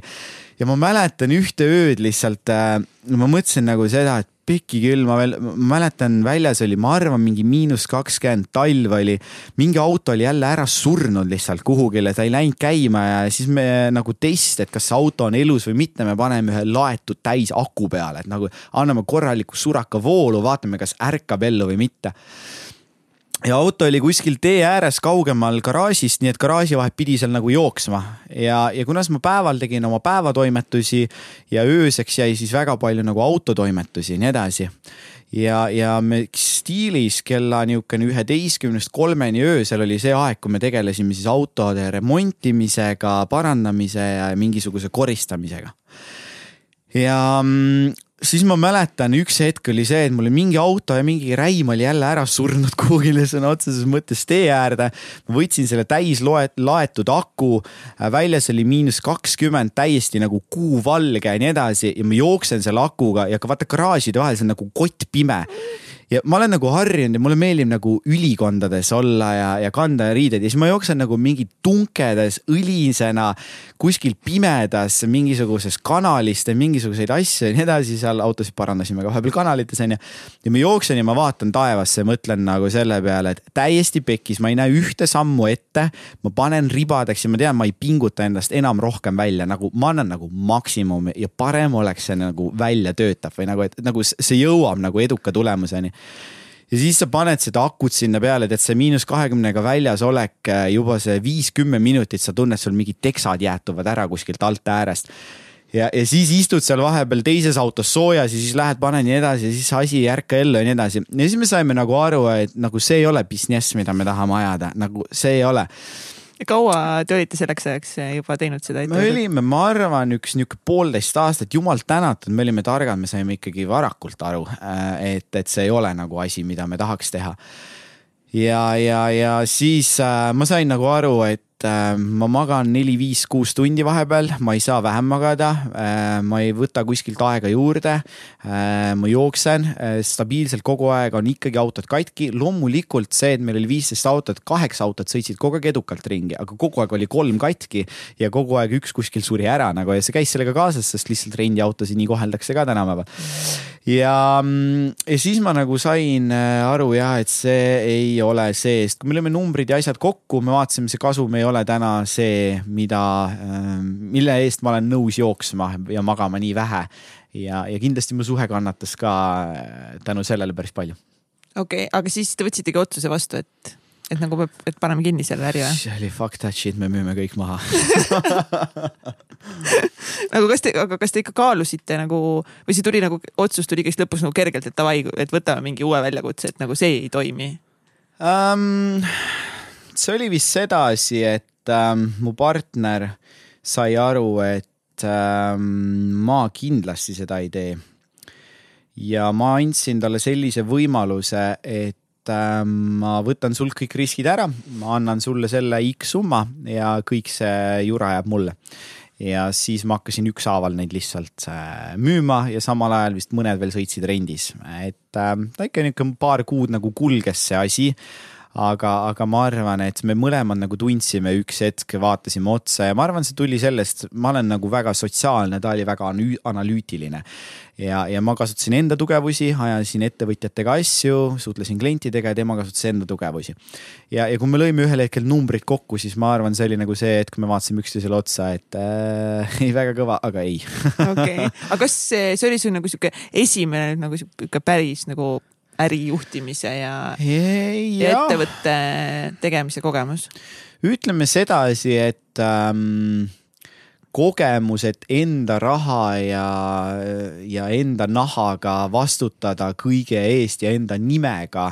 Äh, ma arvan, see oli üks esimene selline suurem ja kindlasti et ma olin ennem ka teinud igasuguseid väiksemaid asju, aga selline esimene tõsine kogemus, et me teeme ikkagi professionaalsed lepingud, meil on partnerid, nii edasi, nii edasi äh, loomulikult enamik autosid remontisid töökojad, aga, aga mingeid lihtsamaid asju tegime meie, sest see oli lihtsalt tõsta kiirust ja säästa kulusid. et see oli nagu esimene selline nagu tõsisem võib-olla tõesti jah mm. -hmm. Ja läks pekki äh, ütleme nii, et äh, kogemus oli hea nagu täna tagasi vaadates on ju. täna tagasi vaadates kogemus oli hea, jah. ja kas see ei rikkunud ära sinu jaoks kogu ettevõtlusmaailma? Ei, ma sain jälle aru seda, et issand jumal, ma olen ikka jumala amatöör nagu selles mõttes, et pigem mul on, ma olen vist kogu aeg kriitiline olnud selle koha pealt, ma tänagi nagu tunnen, et ma hakkan alles pihta saama, kuigi mõned nagu peavad mind tänaseks juba nagu edukaks oma tegemistes, siis ma nagu tunnen, ma hakkan alles millegist aru saama, et ma ei tea, ma olen võib-olla nagu olnud hästi kriitilise hinnanguna ka, et kui järgmised kümme-viis, tui-tui-tui, aga nüüd on noh, seitse või kaheksa aastat ma olen ettevõtlusmaastikul olnud vähem või rohkem. et ähm, et kui järgmise või noh, et kui ütleme, üks kümme-viisteist aastat on midagi tehtud, siis ma nagu tunnen, et ma võiks nagu öelda, et ma võin nagu päris konkreetseid nõuandeid anda aga kas teil, te olitegi täitsa kahekesti seal, teil mingeid töötajaid rohkem? Äh, ei, ei ja no selles mõttes me võtsime korraks mingisuguse töötaja ka, äh, koolipoisi, kes aitas meil tegeleda siis selle koristusega ja autodele keemilise tegemisega. Mm, aga, aga see ei toonud mingit imeefekti nüüd ja, ja me proovisime veel vist paari töötajat, aga sealt ei olnud jah, mingisugust nüüd sellist hullu vau-efekti. aga te olite valmis sellist kogu aeg nagu katsetama ja proovima ja, ja vaatama, et, et, et um, ja selles mõttes ja, ja, ja, ja ma arvan, meil mõlema nagu suur tunnusjoont või nagu suur osa meist, mis andis meile ka edu ikkagi, sest noh, me õnneks ei olnud miinusprojekt, me tulime sealt nagu plussina välja äh,. aga mitte nagu sellena, mida me lootsime, eks ole äh,. oli see, et me olime mõlemad kogu aeg seda meelt, et äh, me peame õppima, me peame õppima, me peame õppima ja me lugesime kogu aeg raamatuid, me kogu aeg käisime koolitustel, me kogu aeg täiendasime ennast ja me andsime aru endale, et me ei, nagu ei tea midagi okei okay., aga mis oli veel mõni väljakutse lisaks sellele, et, et te pidite ise kogu aeg eh, nii-öelda jooksma ja parandama autosid, kas oli veel mingeid väljakutseid eh, seoses selle ettevõtluse ehitamisega um,? jah, see aja manageerimine on ju, et eh, samal ajal oli muid asju veel ja, ja selles mõttes see rentide värk oli ju sedasi, et ma tahan pühapäeval kell kaheksa see hetk et päris palju nagu, ma ei tea siiani, kuidas mul õnnestus mingit viiteist autot stabiilselt välja anda, samal ajal ma tegin kõiki muid asju, ma ei tea. ühesõnaga, mulle ei meeldi hommikul kell seitse ärgata, ma pidin seda tegema, mulle ei meeldi öösel kellelegi autot üle anda, ma pidin seda tegema äh,. siis neid vahepeal tunni aega puhtaks pesma, et järgmistele, et, et selle nagu aja manageerimist, et ma pigistasin nagu see õpetas seda, et sul on võimalik nagu ikka kahekümnest neljast tunnist pigistada ikka välja nagu, nagu ikka väga palju asju. et tolle aja see produktiivsus äh, oli nagu ikka maks, et sai nagu jah, kombatud inimvõimete piire. mitu nädalat on võimalik kolme-nelja-viie tunnise magamisega vastu pidada ja, ja, ja kui palju on võimalik ühe tunni ajaga asju ära teha, et, et seda sealt kindlasti nagu õppis päris omajagu. kas tervisele hakkas ka see? õnneks kõik on hästi et sa ei tundnud, et sa oled kurnatud äh,, väsinud? ja ma ei tea, võib-olla mus on ka nagu seda, et, et kuidas, et osasi inimesi nagu selline pressure siis äh, murrab, mind nagu pigem murrab, et teha uusi rekordeid, et, et mulle nagu ta mõjub kütusena, mul ongi normaalses doosis, eks ole. et aga pigem sellised väljakutsed ja ka saates, kui ma olin Kanal kahe saates on ju, et ma olin üks viimastest ja üks kehvematest, et need nagu mõjusid mulle väljakutsena, et okei okay,, ma magan siis veel vähem ja õpin veel kaks tundi rohkem videotöötlust ja fototöötlust on ju. ma ma magan veel tund aega vähem ja nii edasi, et ma olen nagu uskunud tohutult ja kogu aeg usun töökusesse. Äh, ja, ja siis ma olen seda õppetundi sealt saanud, et, et töösse rohkem pannes, see annab võib-olla teinekord paremaid tulemusi. ja äh, mis ma tahtsin sinna lisada, sa veel midagi küsisid, ma unustasin selle. aga ära. miks sa arvad, et peab nii palju tööd Aa, tegema? nii palju tööd tegema ma arvan, et selleks on mingisugune periood, et jõuda mingisuguste tulemusteni, terve elu äh, hullu panna võib-olla ei ole ka õige. aga, aga see, et äh, ikkagi täna nagu ehitada midagi üles ja ehitada nii, et Eestis teab ikkagi seda, ma ei tea, iga viies. see ei ole nagu, et ma vegeteerin namaste, et ma arvan, see on ikkagi see, et nagu mis mõttes sa töötad rohkem kui kõik su töötajad kokku või see on lihtsalt minu usk. et ma ei usu täna nii palju sellesse, et meil on vaja hullu kindlat zen-seisundit selleks. ma usun, see annab edule kaasa, aga ma usun seda, et üht noh, ühtegi talenti töökusega või noh, et kui me paneme nagu mingi talendi ja töökuse ühele pingile teine siis töökus võidab mm. -hmm. et see on lihtsalt mu usk jah aga mis, mis siis edasi sai, kui te otsustasite lõpuks, et see business läheb kinni, sa müüsid autod eh, maha. kas sa olid, mis siis, mis sa mõtlesid, et okei okay,, et mis Tead, on minu järgmine nüüd asi? palju asju lõppes ühel ajal. Äh, see autorendi asi lõppes ühel ajal, mul lõppes ühe tutvusringkonnaga, kes tol ajal olid lähedased sõbrad-tuttavad, selline nagu suhtlus ära ja, ja ma lõppes ka ära peaaegu seitse aastat kestnud äh, suhe oh,. Wow. mul lõppes väga palju asju ühel ajal ära ja, ja siis äh, vist oligi selline lehe keeramise, et mingi peatükk sai läbi jah Vau, seitse aastat kestnud suhe. ja, ja ma siiani usun, ma olin väga edukas suhtes mida su eh, kaaslane sellest arvas seda peaks temalt küsima. Äh, ma arvan, ma seadsin häid standardeid järgmiseks suhteks jah. aga palju sind mõjutas see lahkuminek? Äh,? ikka ja selles mõttes ma ei näinud seda ette äh,. kindlasti üks osa sellest, et ma töötasin nii palju, oli äh, oma see miinuspool. et, et see, et ma panin nii palju töösse, see läks ka ju suht arvelt ja, ja me Eesti mehed oleme ju parajagu sellised, et kõigepealt katsetame järgi, teeme palju tööd ja siis äh, küsime naistelt nõu või no ühesõnaga, et noh et see on vist niisugune, me oleme paljud seda teinud ja ma tegin seda ka ja, ja, ja samas järgi tagantjärgi ma ei saa öelda, et ma kahetsen, et ma nii tegin, sest ma nagu tundsin, et ma pean selle nagu töö või potentsiaali ära rakendama. et kui ma oleks siis võib-olla hoidnud ennast tagasi, siis ma ei oleks olnud jälle mina. Lihtsalt võib-olla me olime natuke erinevad selle koha pealt, et tol hetkel mu jaoks oli oluline karjäär, edu ja erinevad sellised asjad, mis on siiani mu jaoks olulised. Äh, aga, aga mu kaaslane siis tol ajal väärtustas võib-olla teistsuguseid asju nagu kvaliteetaeg, perega olemine, lähme jalutame, äh, võtame puhkust, äh, koer, maja ja sellised asjad, noh, et nagu natuke teised ja, ja niisugusele niisugused nagu perele iseloomulikud tunnusjooned olid nagu rohkem temal veres kui mul. nii et ma selles mõttes olin see, kes ma olin, et aitäh, ta andis mulle võimaluse, aga see lihtsalt ei kandnud nagu suhte lõpus välja. et, et meil nagu ei klapi võib-olla sedasi, et see lõppes pigem ikkagi nagu sõbralikult, aga see tuli mulle ootamatult ja see oli siga raske, jah. aga mis tegi selle kõige raskemaks, selle lahkumineku sinu jaoks ähm,? ma võtan lonksu vett enne seda. võta muidugi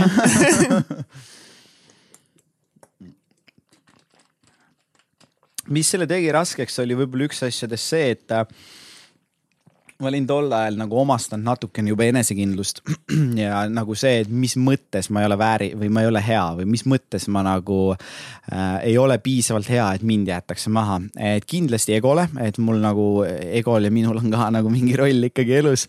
et mu ego sai kõva põntsu ja teine asjadest ähm, oli ka siis kannatas tänu sellele mu enesekindlus ja kolmas asjadest oli see, et kuna see mu background on see, et mul pigem on olnud nagu väga pisike suguvõsa, mind on sisuliselt üles kasvatanud mu ema ja vanaema ja mul on kaks venda, siis tema pere poolt oli väga tugev suguvõsa, et ta ema ja isa, ta vanaema ja vanaisa, tema tädi ja onu, et kõik olid mingi kakskümmend ja kolmkümmend ja nelikümmend ja viiskümmend aastat koos olnud. et väga tugevad, terved suhted olid sealtpoolt ja minu nii-öelda pere poolt pigem nagu asjad ei olnud nii hästi välja tulnud, et, kindlasti nagu mul oli sellest tohutult kahju nagu, et ma kaotan selle, et see tegi haiget.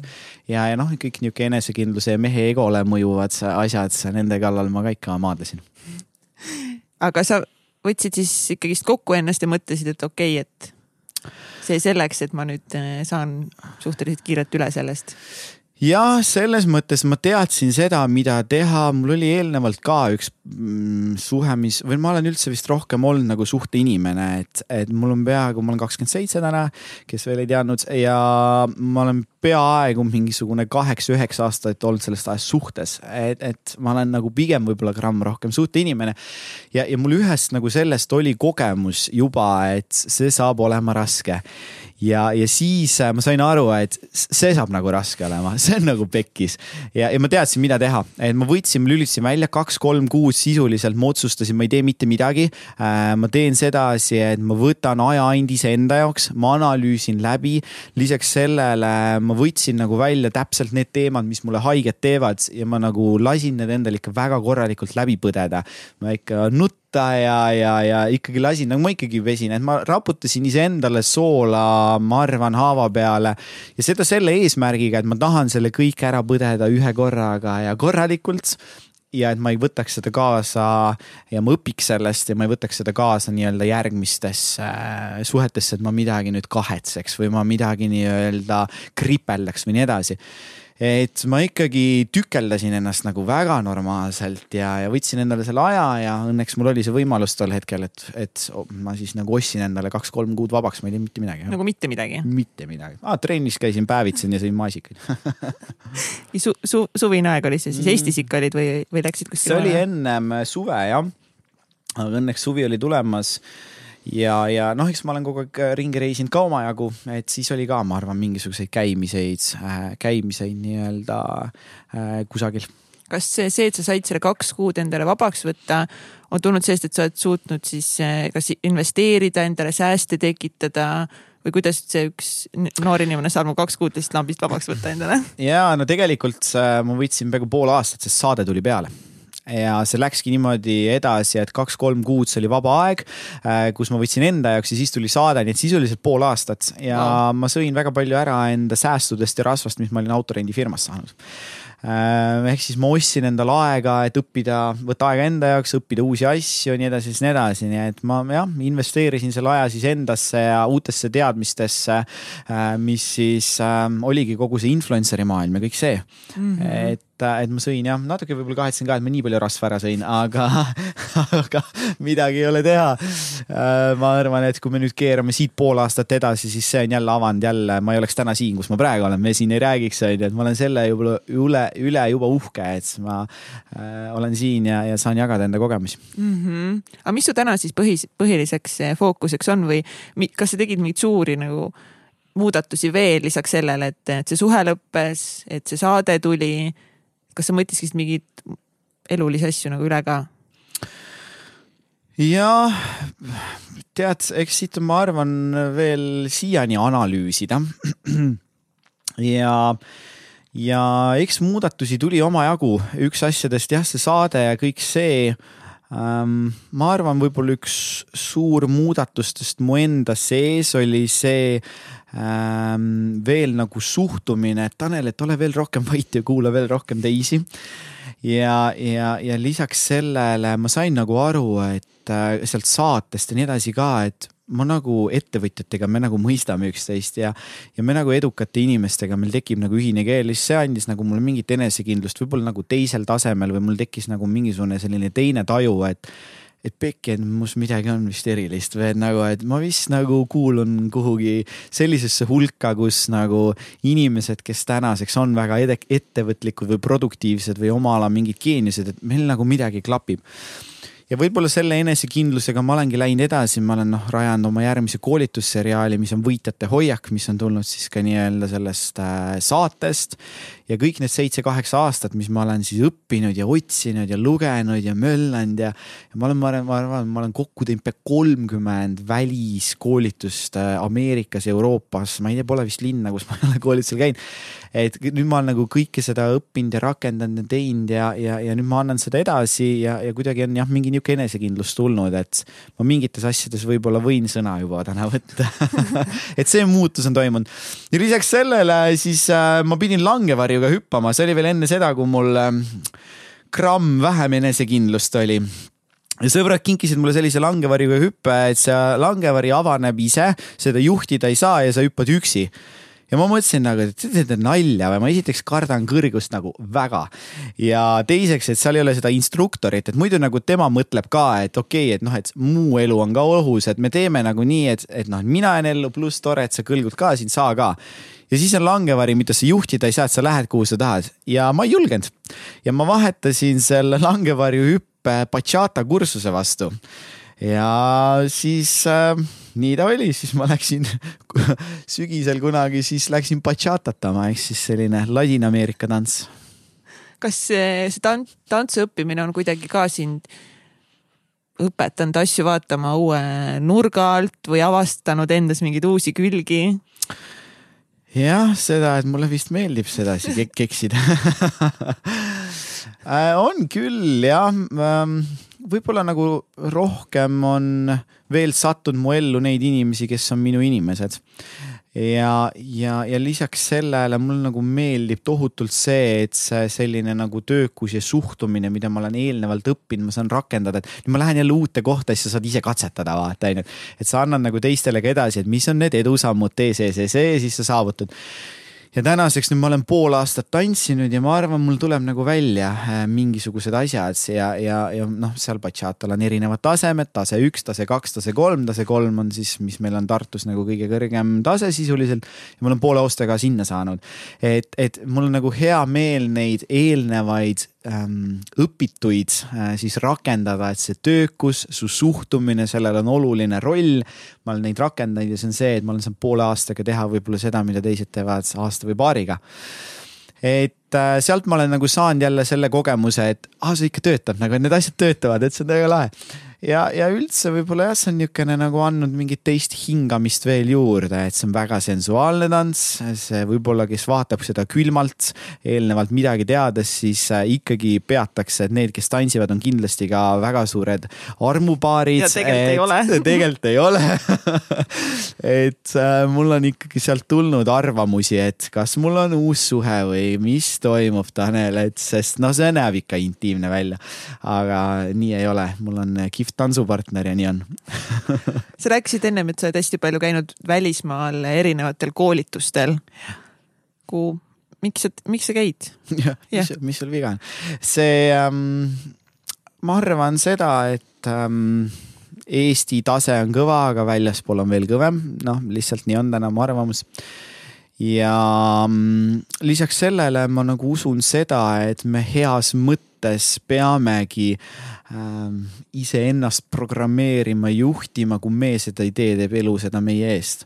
Äh, ma iga hommik kirjutan üles enda päeva programmeerimise, kui ma täna tulin siia saatesse, ärkasin hommikul, ma programmeerisin ka tänast päeva. ehk siis äh, ma usun lihtsalt seda, et kui ma lõpetan iseendasse investeerimise, äh, siis elu hakkab mind programmeerima ja juhtima ja, ja ma ei juhi võib-olla nii palju iseennast et, et see on üks Korra, asjast. kuidas ja. sa programmeerid enda päeva või mis see üldse tähendab? ja ma puudutan seda ka koolitusel ja see on täiesti omaette pooleteisttunnine teema. ma annan seal väga konkreetsed tööriistad, mis töötavad, mis annavad väga kiireid ja efektiivseid tulemusi. ja, ja üks asjadest, mida ma siis teen, ma kirjutan igal hommikul üles selles vormis, nagu see oleks juba saavutatud mida ma siis nii-öelda tahan saavutada, ehk siis äh, ja, ja samamoodi ajaga sa õpid jälle olla tänulik nende asjade eest, mis sul on ja, ja oma tervise eest, et jumal tänatud, see hea on.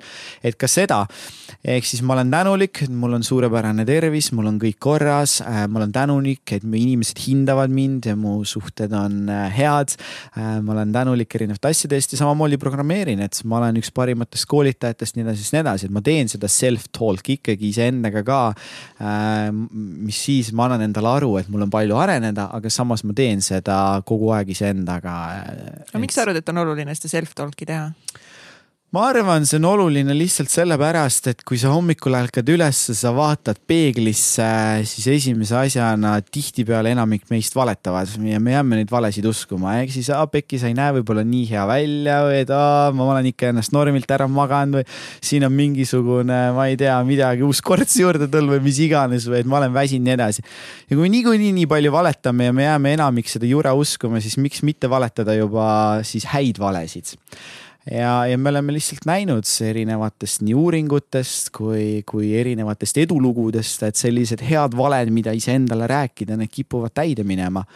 ja teine asjadest võib-olla on ka see, et see automaatselt seab mingi suuna, et kui ma hommikul prioritiseerin enda päeva ja annan mingi häälestuse, siis sel päeval on hoopis teine käik võrreldes sellega, et ma ärkan üles ja ma ei anna mingisugust suunda, ma lasen ennast ise suunata. ja võib-olla ma olen natukese, ma ei tea, ettevaatlikum või natukese kriitilisem, aga ma usun seda, et juba kasvõi kui ma elan Tartus, elan Tigu tornis, ma vaatan aknast välja, ma näen nagu enamikke Tartu kaubanduskeskuseid, McDonaldsit, kõike seda. et kui ma ei ole ennast tagatoas ennast ära programmeerinud, siis ma lähen sinna ja ma hakkan vaatama neid kaubamaja taskureklaame, isegi kui ma neid ei teadvusta, siis ma usun, nad alateadlikult programmeerivad mind ja see McDonaldsi logo, mida ma igapäevaselt vaatama pean ehk siis, et äh, ma lihtsalt, ma ei taha jätta seda juhuse oleks eh,. nagu, et mis mõttes keegi teine saab mind juhtida või mis mõttes nagu keegi teine saab võimaluse seada mulle nagu alateadvusesse neid reklaamiseemneid või neid uskumusi või neid hirme või neid asju. et äh, ma ei taha, et see juhtuks ja, ja see on see põhjus, miks ma seda nii-öelda teen ja ma usun, et sellel on tohutult suur roll sellel, kui sa tahad edu saavutada või sa tahad anda hoopis paremat häälestust enda päevale mis sa arvad, millised on mingid uskumused, mida meile surutakse nagu peale yeah., mida sa ise tunned, et ühiskonnas on? tead, ma olen jälle kehva vastaja ja võib-olla see on mu õnnistus, ma seda täna jälle või, lihtsalt või avastan. ongi, miks sa oled selle nagu välja lõiganud enda elust? okei okay, nagu?, nii ma oskan paremini vastata um,. no negatiivne müüb, eks ole, ja, ja, ja enamik äri on ehitatud üles kasumile ja, ja kui me hakkame ajama taga kasumit, siis me läheme sealt edasi turundusse. ja kui me läheme turundusse, siis turundus tahab, et sealt toimuks müük. ja turundus omakorda läheb edasi sellesse, et jõuda meie teadvusesse või alateadvusesse. teadvus on siis see, et meil on korralik reklaam ja see kõnetab sind ja sa lähed ostma seda mööblit miinus seitsmekümnega. alateadvus on see, et ma lihtsalt näen seda mingisugust bännerit või logo oma järgmised kaks kuud või nagu Coca-Cola ta oleks, ta ei oleks täna nii suur, kui ta jäädavalt ei paneks miljoneid ja triljoneid äh, oma äh, brändi edasiarendamisse ja turundusse. ehk siis nad ei peaks ju tegema reklaami, me teame, mis on Coca-Cola, mis maitseb, aga nad panevad seda. ehk siis on äh, reklaame ja turundust, mis on teadlik, et ohoh, see kõnetab mind, ma lähen ostan ja on alateadlik, mis lihtsalt programmeerib. ja issand, selle eest hoidku selles mõttes, et nii palju on ju neid ettevõtteid, kes tahavad oma toodete või teenustena jõuda meis, meieni. ja, ja kahjuks seal on väga palju neid, kes täna ei anna nii-öelda väärtust võib-olla oma toidu kvaliteedi näol ja võib-olla ka oma teenuste näol. et, et see on ka nagu jah, võib-olla kunagi äh, Äh, see on pikem teema veel, millesse laskuda, aga noh, kõik need vandenõuteooriad ja kõik need asjad ja mis on meie toidu kvaliteet, nii edasi, et ma olen nagu ühe doosi seda infot endasse võtnud. Äh, see hirmutas päris hästi, isegi võib-olla natuke kahetsen, et ma nii palju korraga võtsin sellist infot, et, et. mis, mida konkreetselt sa mõtled? noh, erinevaid intervjuusid sellest, kuidas äh, erinevad siis äh,, ei taha ühtegi ettevõtet solvata mm. ja nii edasi, aga on erinevaid ettevõtteid, kes siis teevad oma äh, toidu tooraine, toodavad ise ja selle toorainega toodavad, mis meie kaubanduskeskustes on võib-olla kümme, viisteist, kakskümmend, kolmkümmend erinevat toodet. ja kui nende töötajad annavad ise intervjuusid, mis on Youtube'is, et ma elu sees ei söö seda, kas sa teaks seda, mis meil siin nagu tehases toimub, nagu hull läheb peas, sa kiirgad pärast. et noh, ma lihtsalt võib-olla mingi vahe nägin nagu liiga palju neid intervjuusid selle kohta, toidu kohta, poliitika kohta, et kus on inimesi, kes on astunud siis kõrvale ja öelnud, et nagu, et okei okay,, siin majas käib see töö, aga nagu tead, mis päriselt toimub.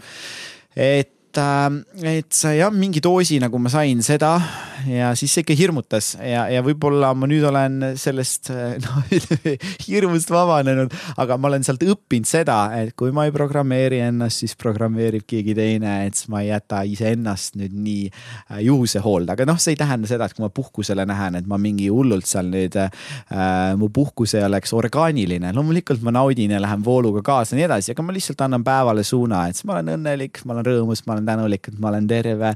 ma olen õnnelik, et mu ümber on nii lahedad inimesed ja ma loodan, et juhtub midagi eriti lahedat kui kaua sa seda teadlikult oled teinud? Um, nüüd niimoodi, et see on nagu iga hommik, noh, võib-olla mõned üksikud on välja jäänud äh, viimased kaks või kolm aastat oh,. Wow. jah, päris kaua wow.. ja kas sa oled nagu näinud et see nagu päris toim-, toimib sinu peal. ja, ja mitte ainult minu peal, väga paljude teiste peal, noh, üks teine asjadest on ju dream board, et sa paned oma unistuste pildid, paned oma unistuste tahvli ja ma mäletan üks kuid, noh, ma olen teinud ka mentorlust enda elus ja.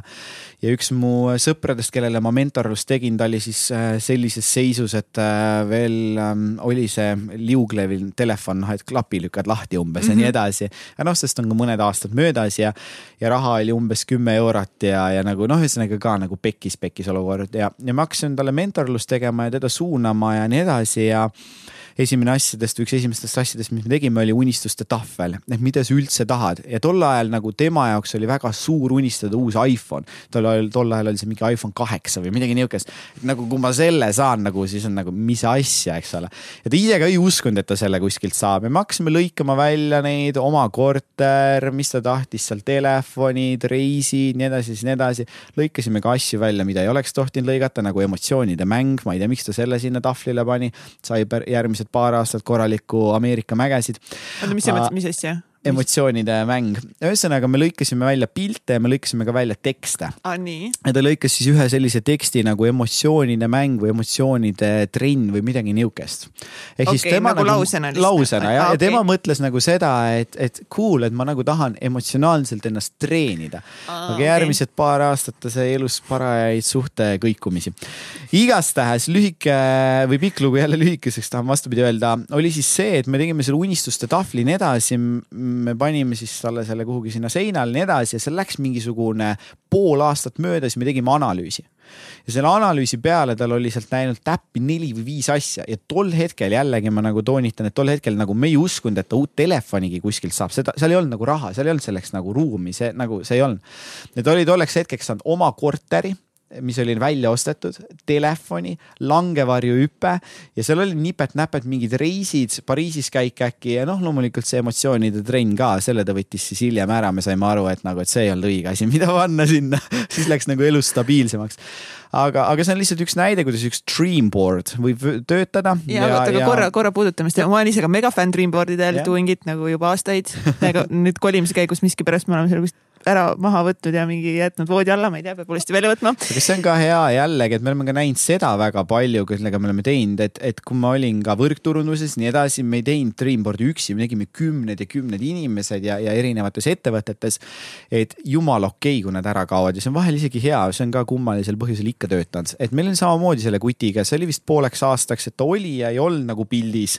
Äh, et ja, ja neid näiteid on nii palju ka, kus inimesed kolivad enda uute majja pakivad kõiki asju lahti. ja siis avastavad. see on Oota, nii lahe ja. see ongi seesama maja, et see on täiesti okei okay,, kui see vahel ära kaob ja aga ongi nagu see, et okei okay,, et ma nüüd teen selle Dreamboardi nagu ära, onju, aga ma usun, et nagu päris sellest ainult ei piisa. jaa, ma usun. siis lähed siis kerin, kerin voodisse magama ja mingi ärkan poole aasta pärast üles ja vaatan, et kõik on nagu happy. ja, jah, kuigi samas ma nagu usun, et tegelikult piisab veidi ka.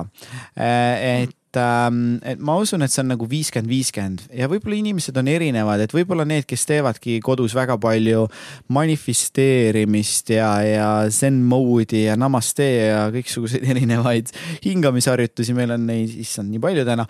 ehk siis äh, ma usun, et äh, see nende jaoks töötab ka, kui nad ei võta nii palju action'it, aga võib-olla nad ei saavuta sealt nii palju äh,. minu usk on täna see, et ikkagi seal on vaja tegevuskava ka siis on ju, et sul on vaja järgmiseid samme või sul on vaja kodust välja minna. aga ma usun ka seda, et, et need inimesed, kes võib-olla kodust vähem välja lähevad, et, et ka neil äh, siiski äh, mingisuguseid asju läheb sealt nii-öelda täide. kuidas sa suunad, ütleme seesama äh, näide, et ta tegi selle Dreamboardi ära, onju, ja mingid asjad hakkasid nagu muutuma, kas sa annad nagu mingid muud suunid, suuna ka nagu ette, et mida nagu ma siis tegema peaksin, et kõik on pekkis nagu näiteks ma praegu kuulan ja ma tunnen, fuck nagu mul on ka täiega pekkis. väga okay. konkreetne tegevuskava, väga konkreetne tegevuskava, ma olen nii selle usku, et nagu planeerida igat sammu. ehk siis kõigepealt paneme paika unistused, eesmärgid ehk siis dream board, äh, siis sealt edasi me teeme visioonitahvli ja siis sealt edasi me võtame välja aasta mingid eesmärgid. aasta eesmärkidest me tükeldame välja KPA-d ehk siis key performance activities ehk siis mis on võtmetegevused, mu eesmärk on saada kakskümmend tuhat vaba raha. Cool, mis on võtmetegevused? võtmetegevused on see, et meil on vaja X sissetulekut, X palju kõrvale panna ja X palju tunde näiteks on ju. Cool, nüüd meil on vaja tükeldada edasi, kuhu me need tunnid paneme, et see tund annaks võimalikult hea palga ehk siis ma lähen väga konkreetseks ja detailideks ja, ja ma panen siis paika KPA-d, mis on need key performance activities, millele me peame aja suunama.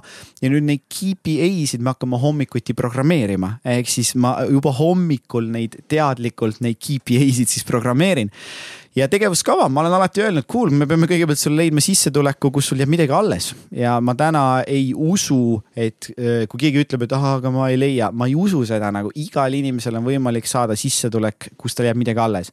toon näite, äh, sõida Bolti, on ju, et sul on võimalik, oletame, sul ei ole üldse raha, sul ei ole nagu midagi, aga no ma ei tea, jopas, sul on autojuhiload. Cool, rendi endale auto sada eurot nädalas umbes. Äh, mu sõber tegi just rekordi, ta teenis ühe nädalaga tuhat kolmsada eurot eurot. ehk siis nagu sul ei ole vaja haridust, sul on vaja lube, rendi auto, sõida nagu, see ei ole võimalik, et sa ei saa kuskilt head sissetulekut. ja Eestis täna teenida paar tuhat kuus, see ei ole äh, küsimus.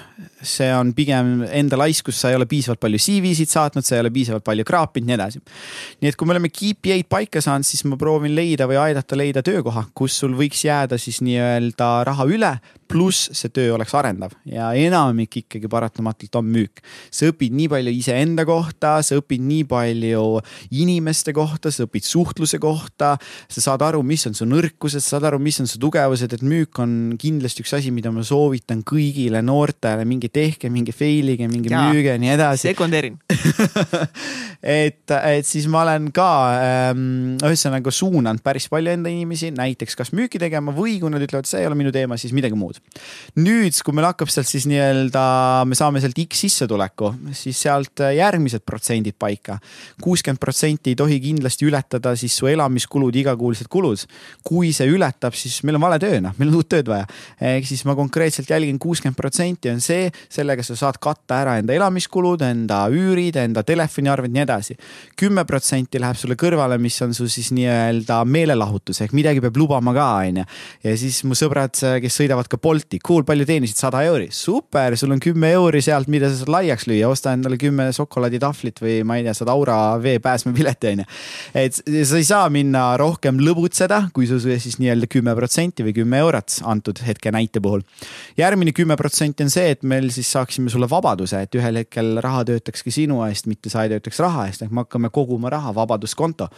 ja sellega me teeme siis ainult investeeringuid, mis on garantiiga, et sa ei saa fail ida, nagu see on garantiiga et sa ei saa fail ida, üks portaalidest on Mintos, võite sinna siis nii-öelda minna.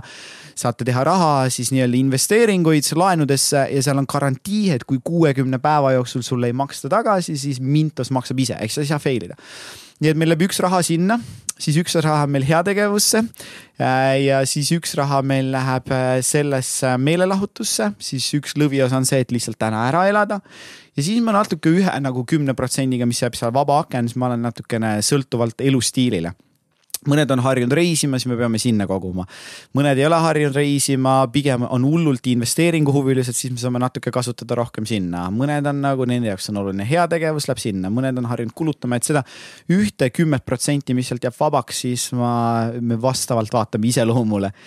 ja siis me oleme lõpuks mingi tegevuskava paika saanud buum, hakkame tööle ja me jõuame mingisuguste tulemusteni, nii edasi. kas sa oled ise ka seda jälginud nüüd? palju, kogu aeg äh,. ainuke, kus läks pekki, kui ma läksin ise lahku, mul oli normaalselt kogutud siis nii-öelda rasva, aga tuli see saade, tulid erinevad asjad, nii edasi, nii edasi, siis. aga noh, see on ka niisugune väikene auk, mis seal oli.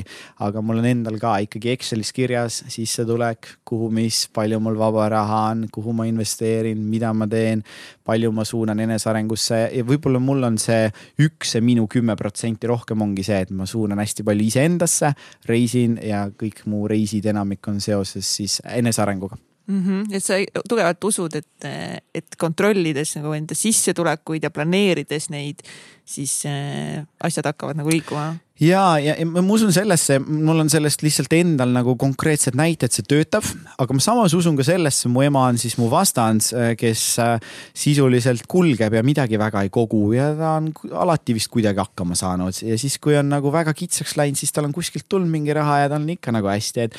et selles mõttes äh, ütleks, et võib-olla jõuda mingisuguste konkreetsete tulemusteni, mis on nagu ikkagi edunäiteid, ma arvan, on vaja planeerida äh, ja olla konkreetne, jõuda mingisuguste tulemusteni, et see on lihtsalt hea olla, siis ma arvan, küll saab kulg kulgedes ka nagu hästi hakkama mis sul täna näiteks enda Dreamboardi peal on?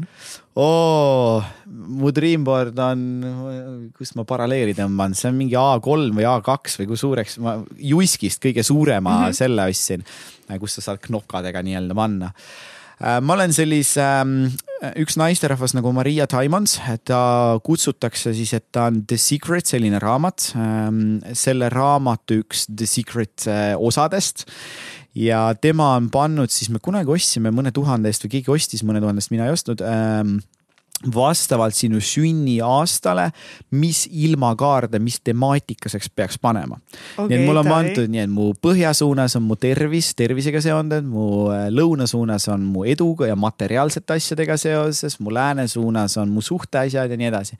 et mul on nagu seal palju ja kõike, et et, ähm, et ja vastavalt ilmakaares on vastavaid pilte või tekste siis, mis ma olen välja lõikanud ja ma olen nüüd seda Dreamboardi vast täiendanud viimased kolm või neli aastat, et nüüd ma nagu ei ole muutnud, et ma teen mingi aasta-kahe tagant uue ja kleebin. ma olen nagu teinud nagu sellise, et ma saan nad võtta sealt alla, kas nad on midagi saavutatud või ma neid enam ei taha. ja ma saan sinna panna juurde, et ta on nagu selline siis jah, nagu tahvel, kuhu ma saan neid juurde siis nende knopkade või asjadega panna. mis sa oled, mingid asjad, mis sa oled eh, ära võtnud, sellepärast et on täide läinud ja teised, mis sa oled lihtsalt ära võtnud selle jaoks, et eh, noh, need enam ei kõneta sind tead, ma isegi ei oska siin valdkonnas nii palju lisasid tuua, sest ma ei ole eriti palju liigutanud, ma olen ainult juurde ja juurde ja juurde pannud ma nagu vaatan, et mingid asjad on toredad siis ma ei võta neist ära, sest äkki muidu see tore asi kaob ära.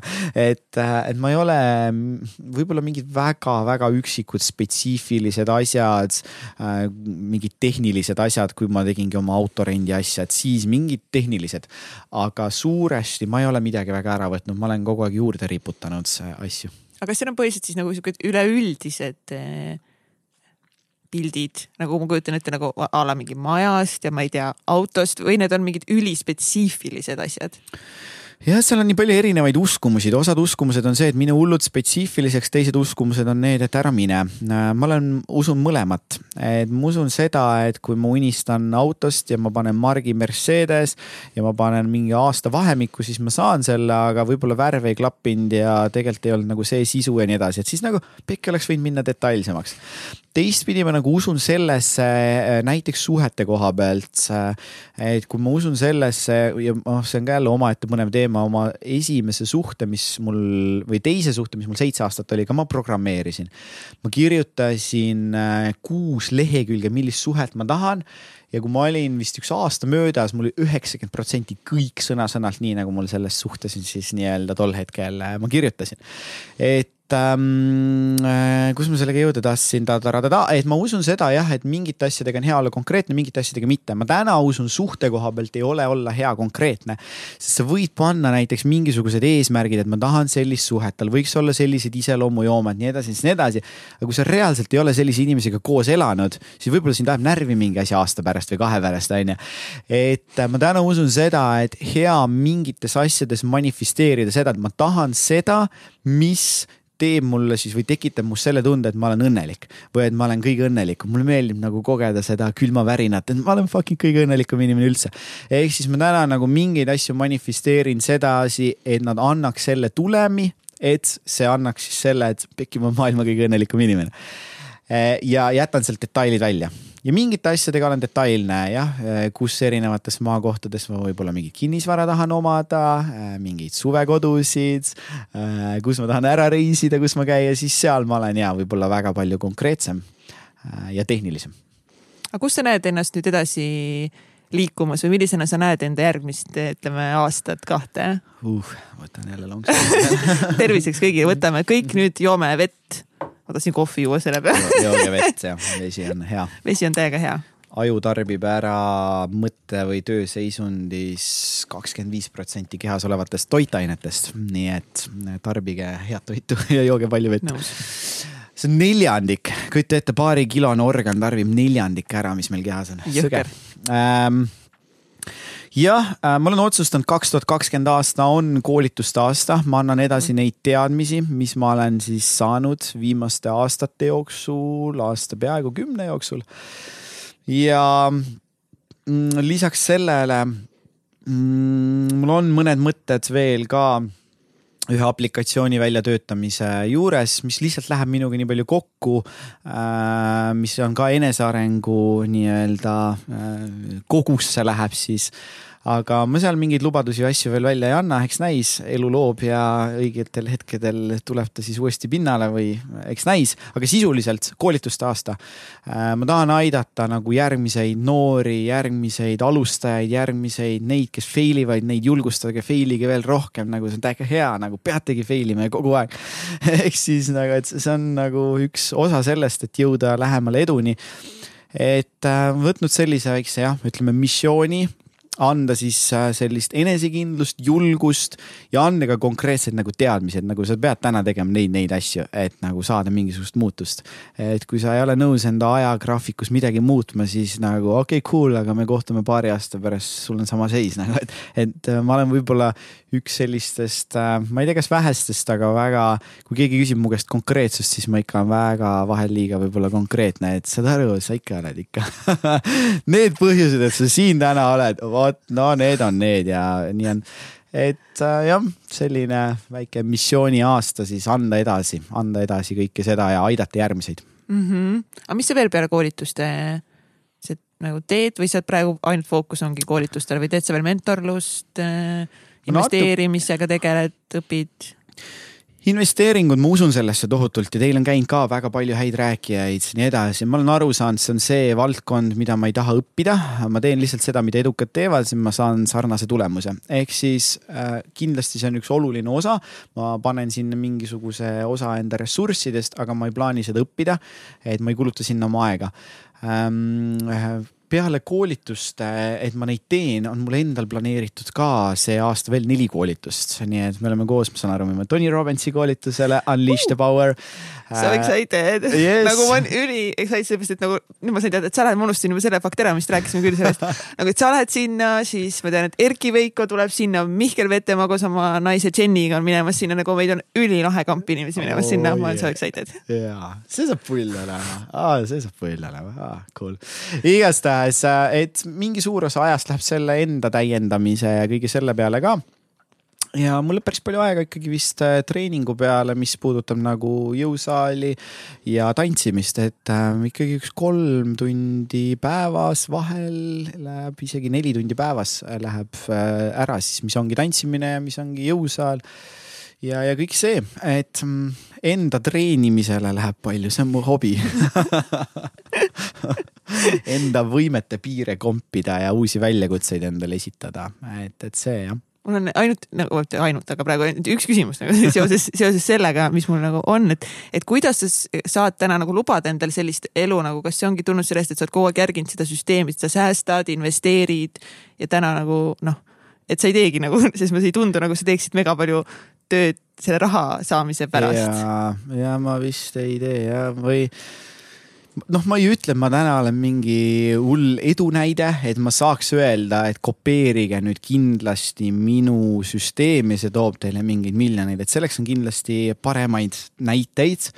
aga äh, kindlasti kopeeri- ja ma usun ka seda, et selle tehes, ma ei tea, mu süsteem või noh, mida ma kopeerin ka teistelt, ega ma ju ei ole kõige selle suures nüüd mingi hull autor ja ei saa võtta kõike au endale aga tehes seda, ma kindlasti usun, äh, see annab sulle selle vabaduse, et äh, sa saad teha, mis sa tahad või nagu, et sa saad otsustada, et see nädal on mul vaba ja ma ei tee midagi et ta on nagu piisav selleks, et äh, saada endale vaba aeg ja saada endale see flow, et ma vaatan ise, mida ma teen, kuidas ma teen, mitu tundi ma teen.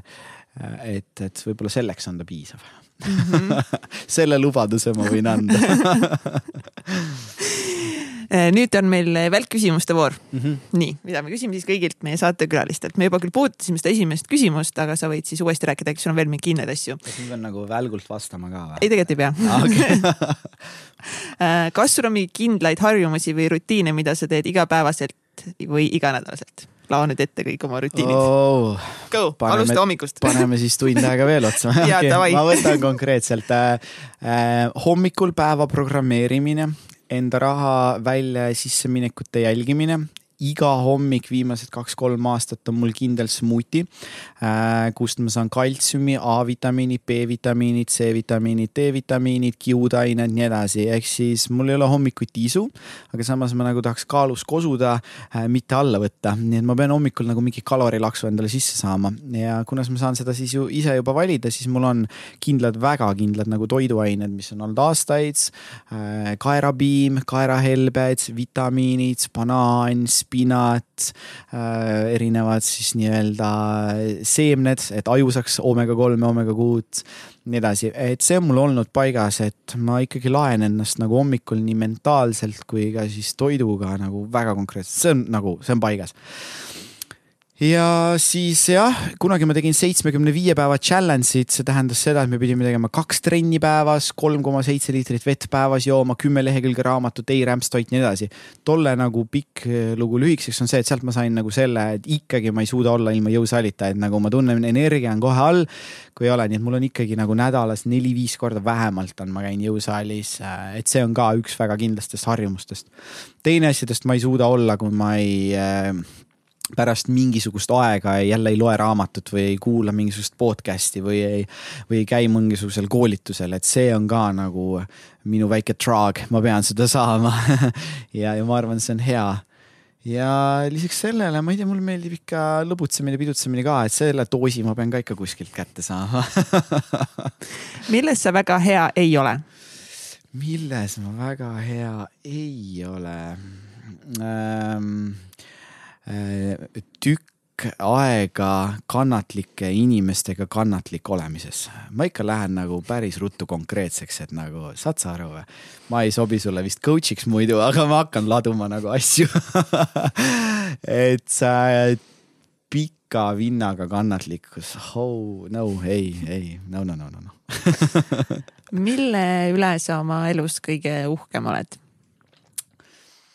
Ma arvan, ma olen kõige uhkem selle üle, et kuskilt ma olen saanud selle geeni, et ähm, ma pean tegema asju, et see annaks väärtust ka teistele.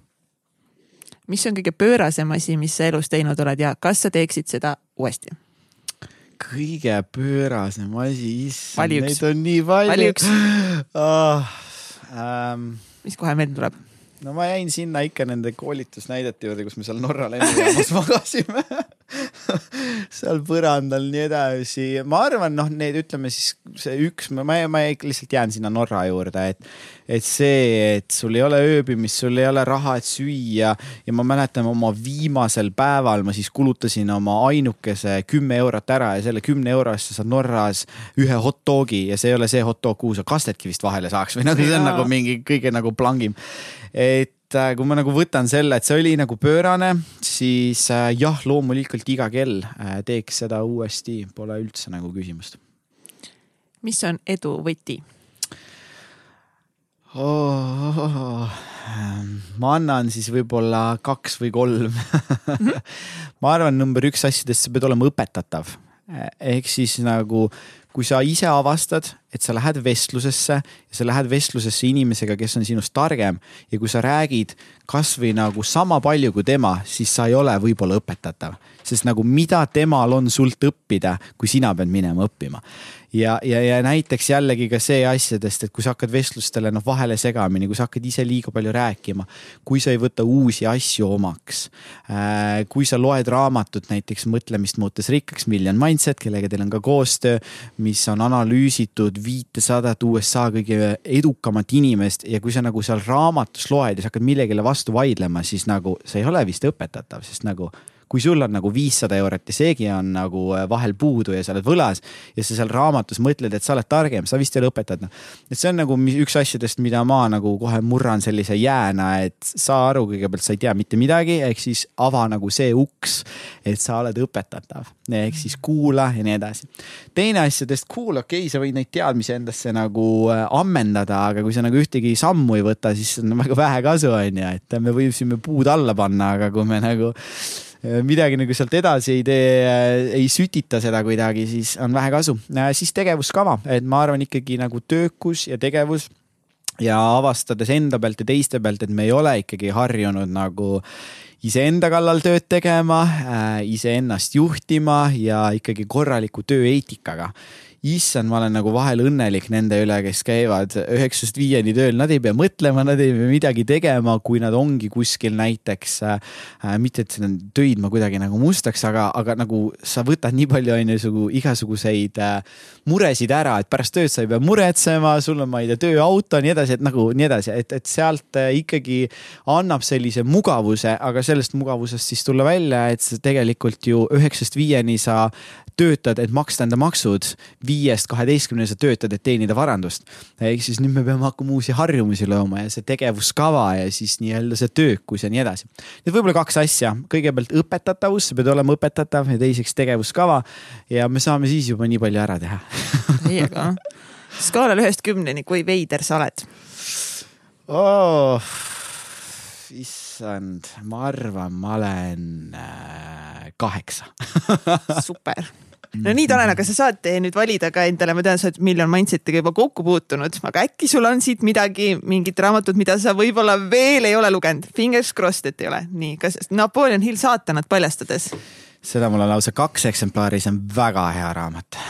Eh, Randy Cage nutikaks, terveks, rikkaks. seda on üks eksemplar, see on väga hea raamat no müü ise või müüakse sulle? seda on vist kaks eksemplari, see on väga hea raamat leia oma miks, Simon Sinek. selle ma laenasin välja ja seda mul enam pole, sest ma isegi ei mäleta, kellele ma laenasin. aga sa oled lugenud seda? ma ei ole lugenud seda ka. okei okay,, see läheb kõrvale. ma näen järgmised kaks raamatut. Need on siis seesama ja see on viie sekundi reegel, Mel Robbinsi oma. ja need on mul ka olemas. no super siis see. viie sekundi reegel ja teine on nutikalt rikka või kuidas see oli, nutikaks rikkaks, mis see oli Ter? nutikalt terveks rikkaks või? kuidas saada nutikaks terveks ja rikkaks? ja ka ülihea raamat, see on, kas, kes see autor on, Randy, Cage'i oma jah oh,. see on cool story, kuidas nad Randy Cage'iga ikka väga tükk aega ajasid seda diili taga, et saada see eesti keelde, nii et seal on nagu jõhker töö taga et sa noh, et nad said Randy Cage'iga selle, selle diili lõpuks, et ah,, cool. et, et see, see raamat ähm,, ma tean, see oli üks raamatutest minu meelest, mille, mille kallal nad nägid väga palju vaeva, et saada need autoriõigused või, või, või siis kirjastusõigused.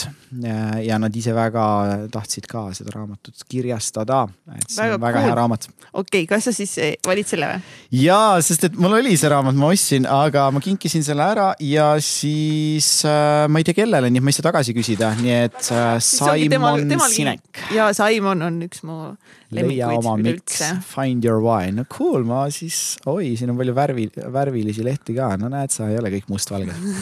Väga lahe, aitäh teile, teile selle kingituse eest. jess, kus meie kuulajad saavad sinu tegemistel silma peal hoida?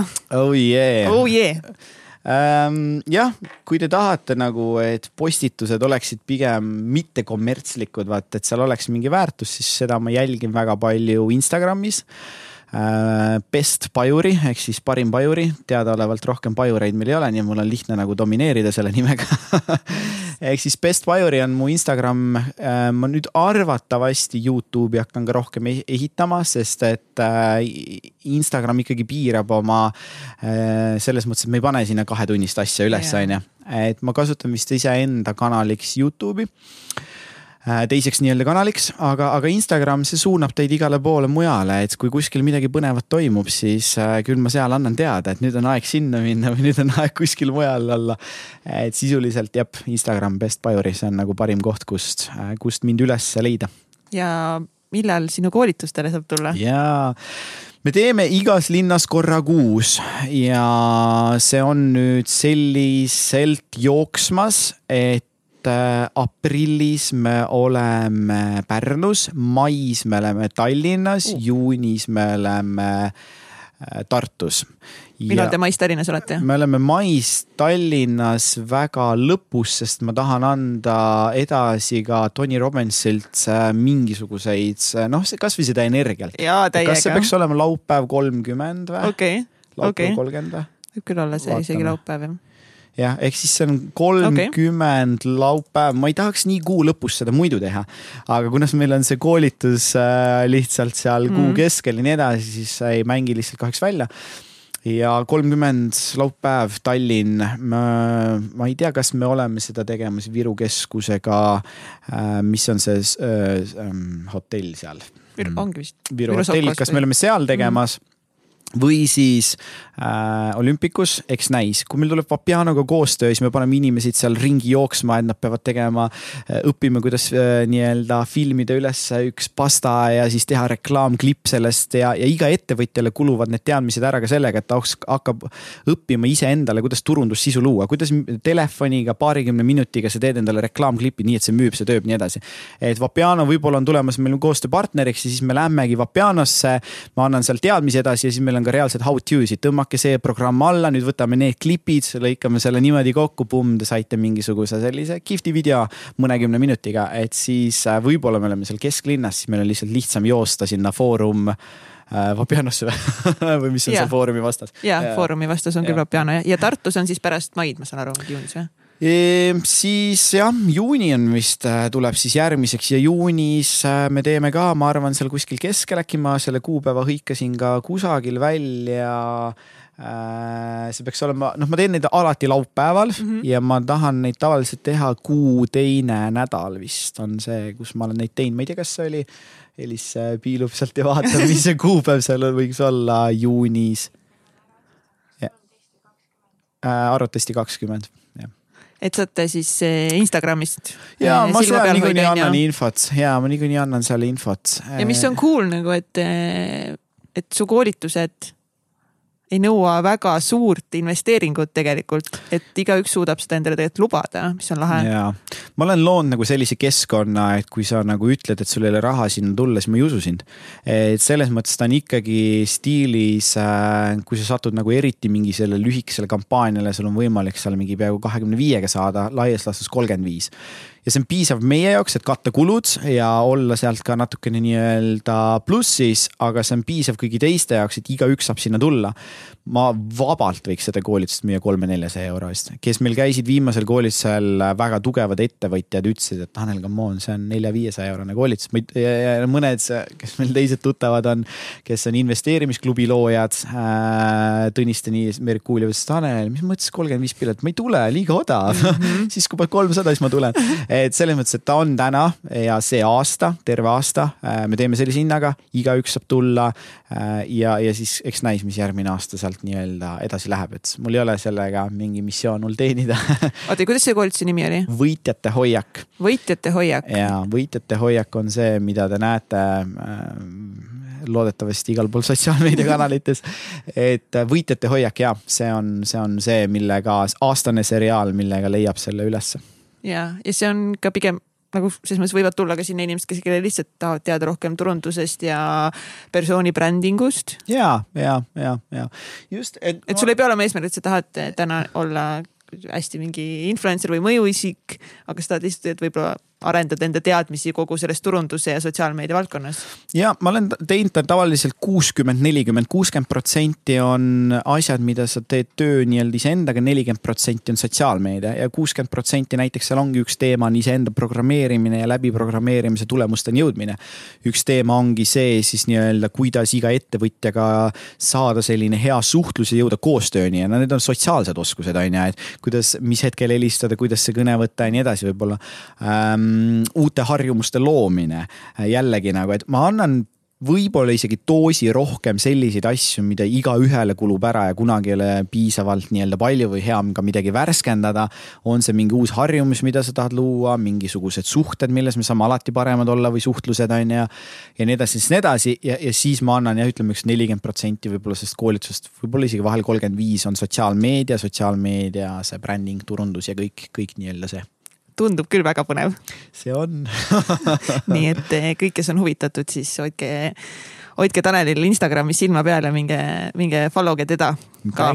ja kui see saade nüüd sind täna inspireeris või andis uusi häid eh, mõtteid, siis jaga seda saadet vähemalt ühe oma eh, sõbraga et ka tema saaks enda ellu rohkem positiivsust ja häid mõtteid ja loomulikult jaga Instagramis ja tag'i meid ja saada kirju ja aitäh, Tanel ja aitäh, et te külla kutsusite ja jaga vähemalt kahe sõbraga, et tee seekord see erand, et mis mõttes üks nagu, et äh, me suudame ju rohkem seda head väärtust jagada rohkematega, nii et jaga seekord kahe inimesega seda ja aitäh, et kutsusite. no ühe sa jagad siis, kui sa oled nagu kade, vaata veits nagu mingi okei okay, nagu talle. aga kui sa juba kahele jagad, siis sa oled nagu mingi, ah oh,, ma olen nii palju head teinud lihtsalt. just, just, nii et seekord jaga seda siis kahe inimesega teeme nii, aitäh. aitäh teile Yes. Oh yeah.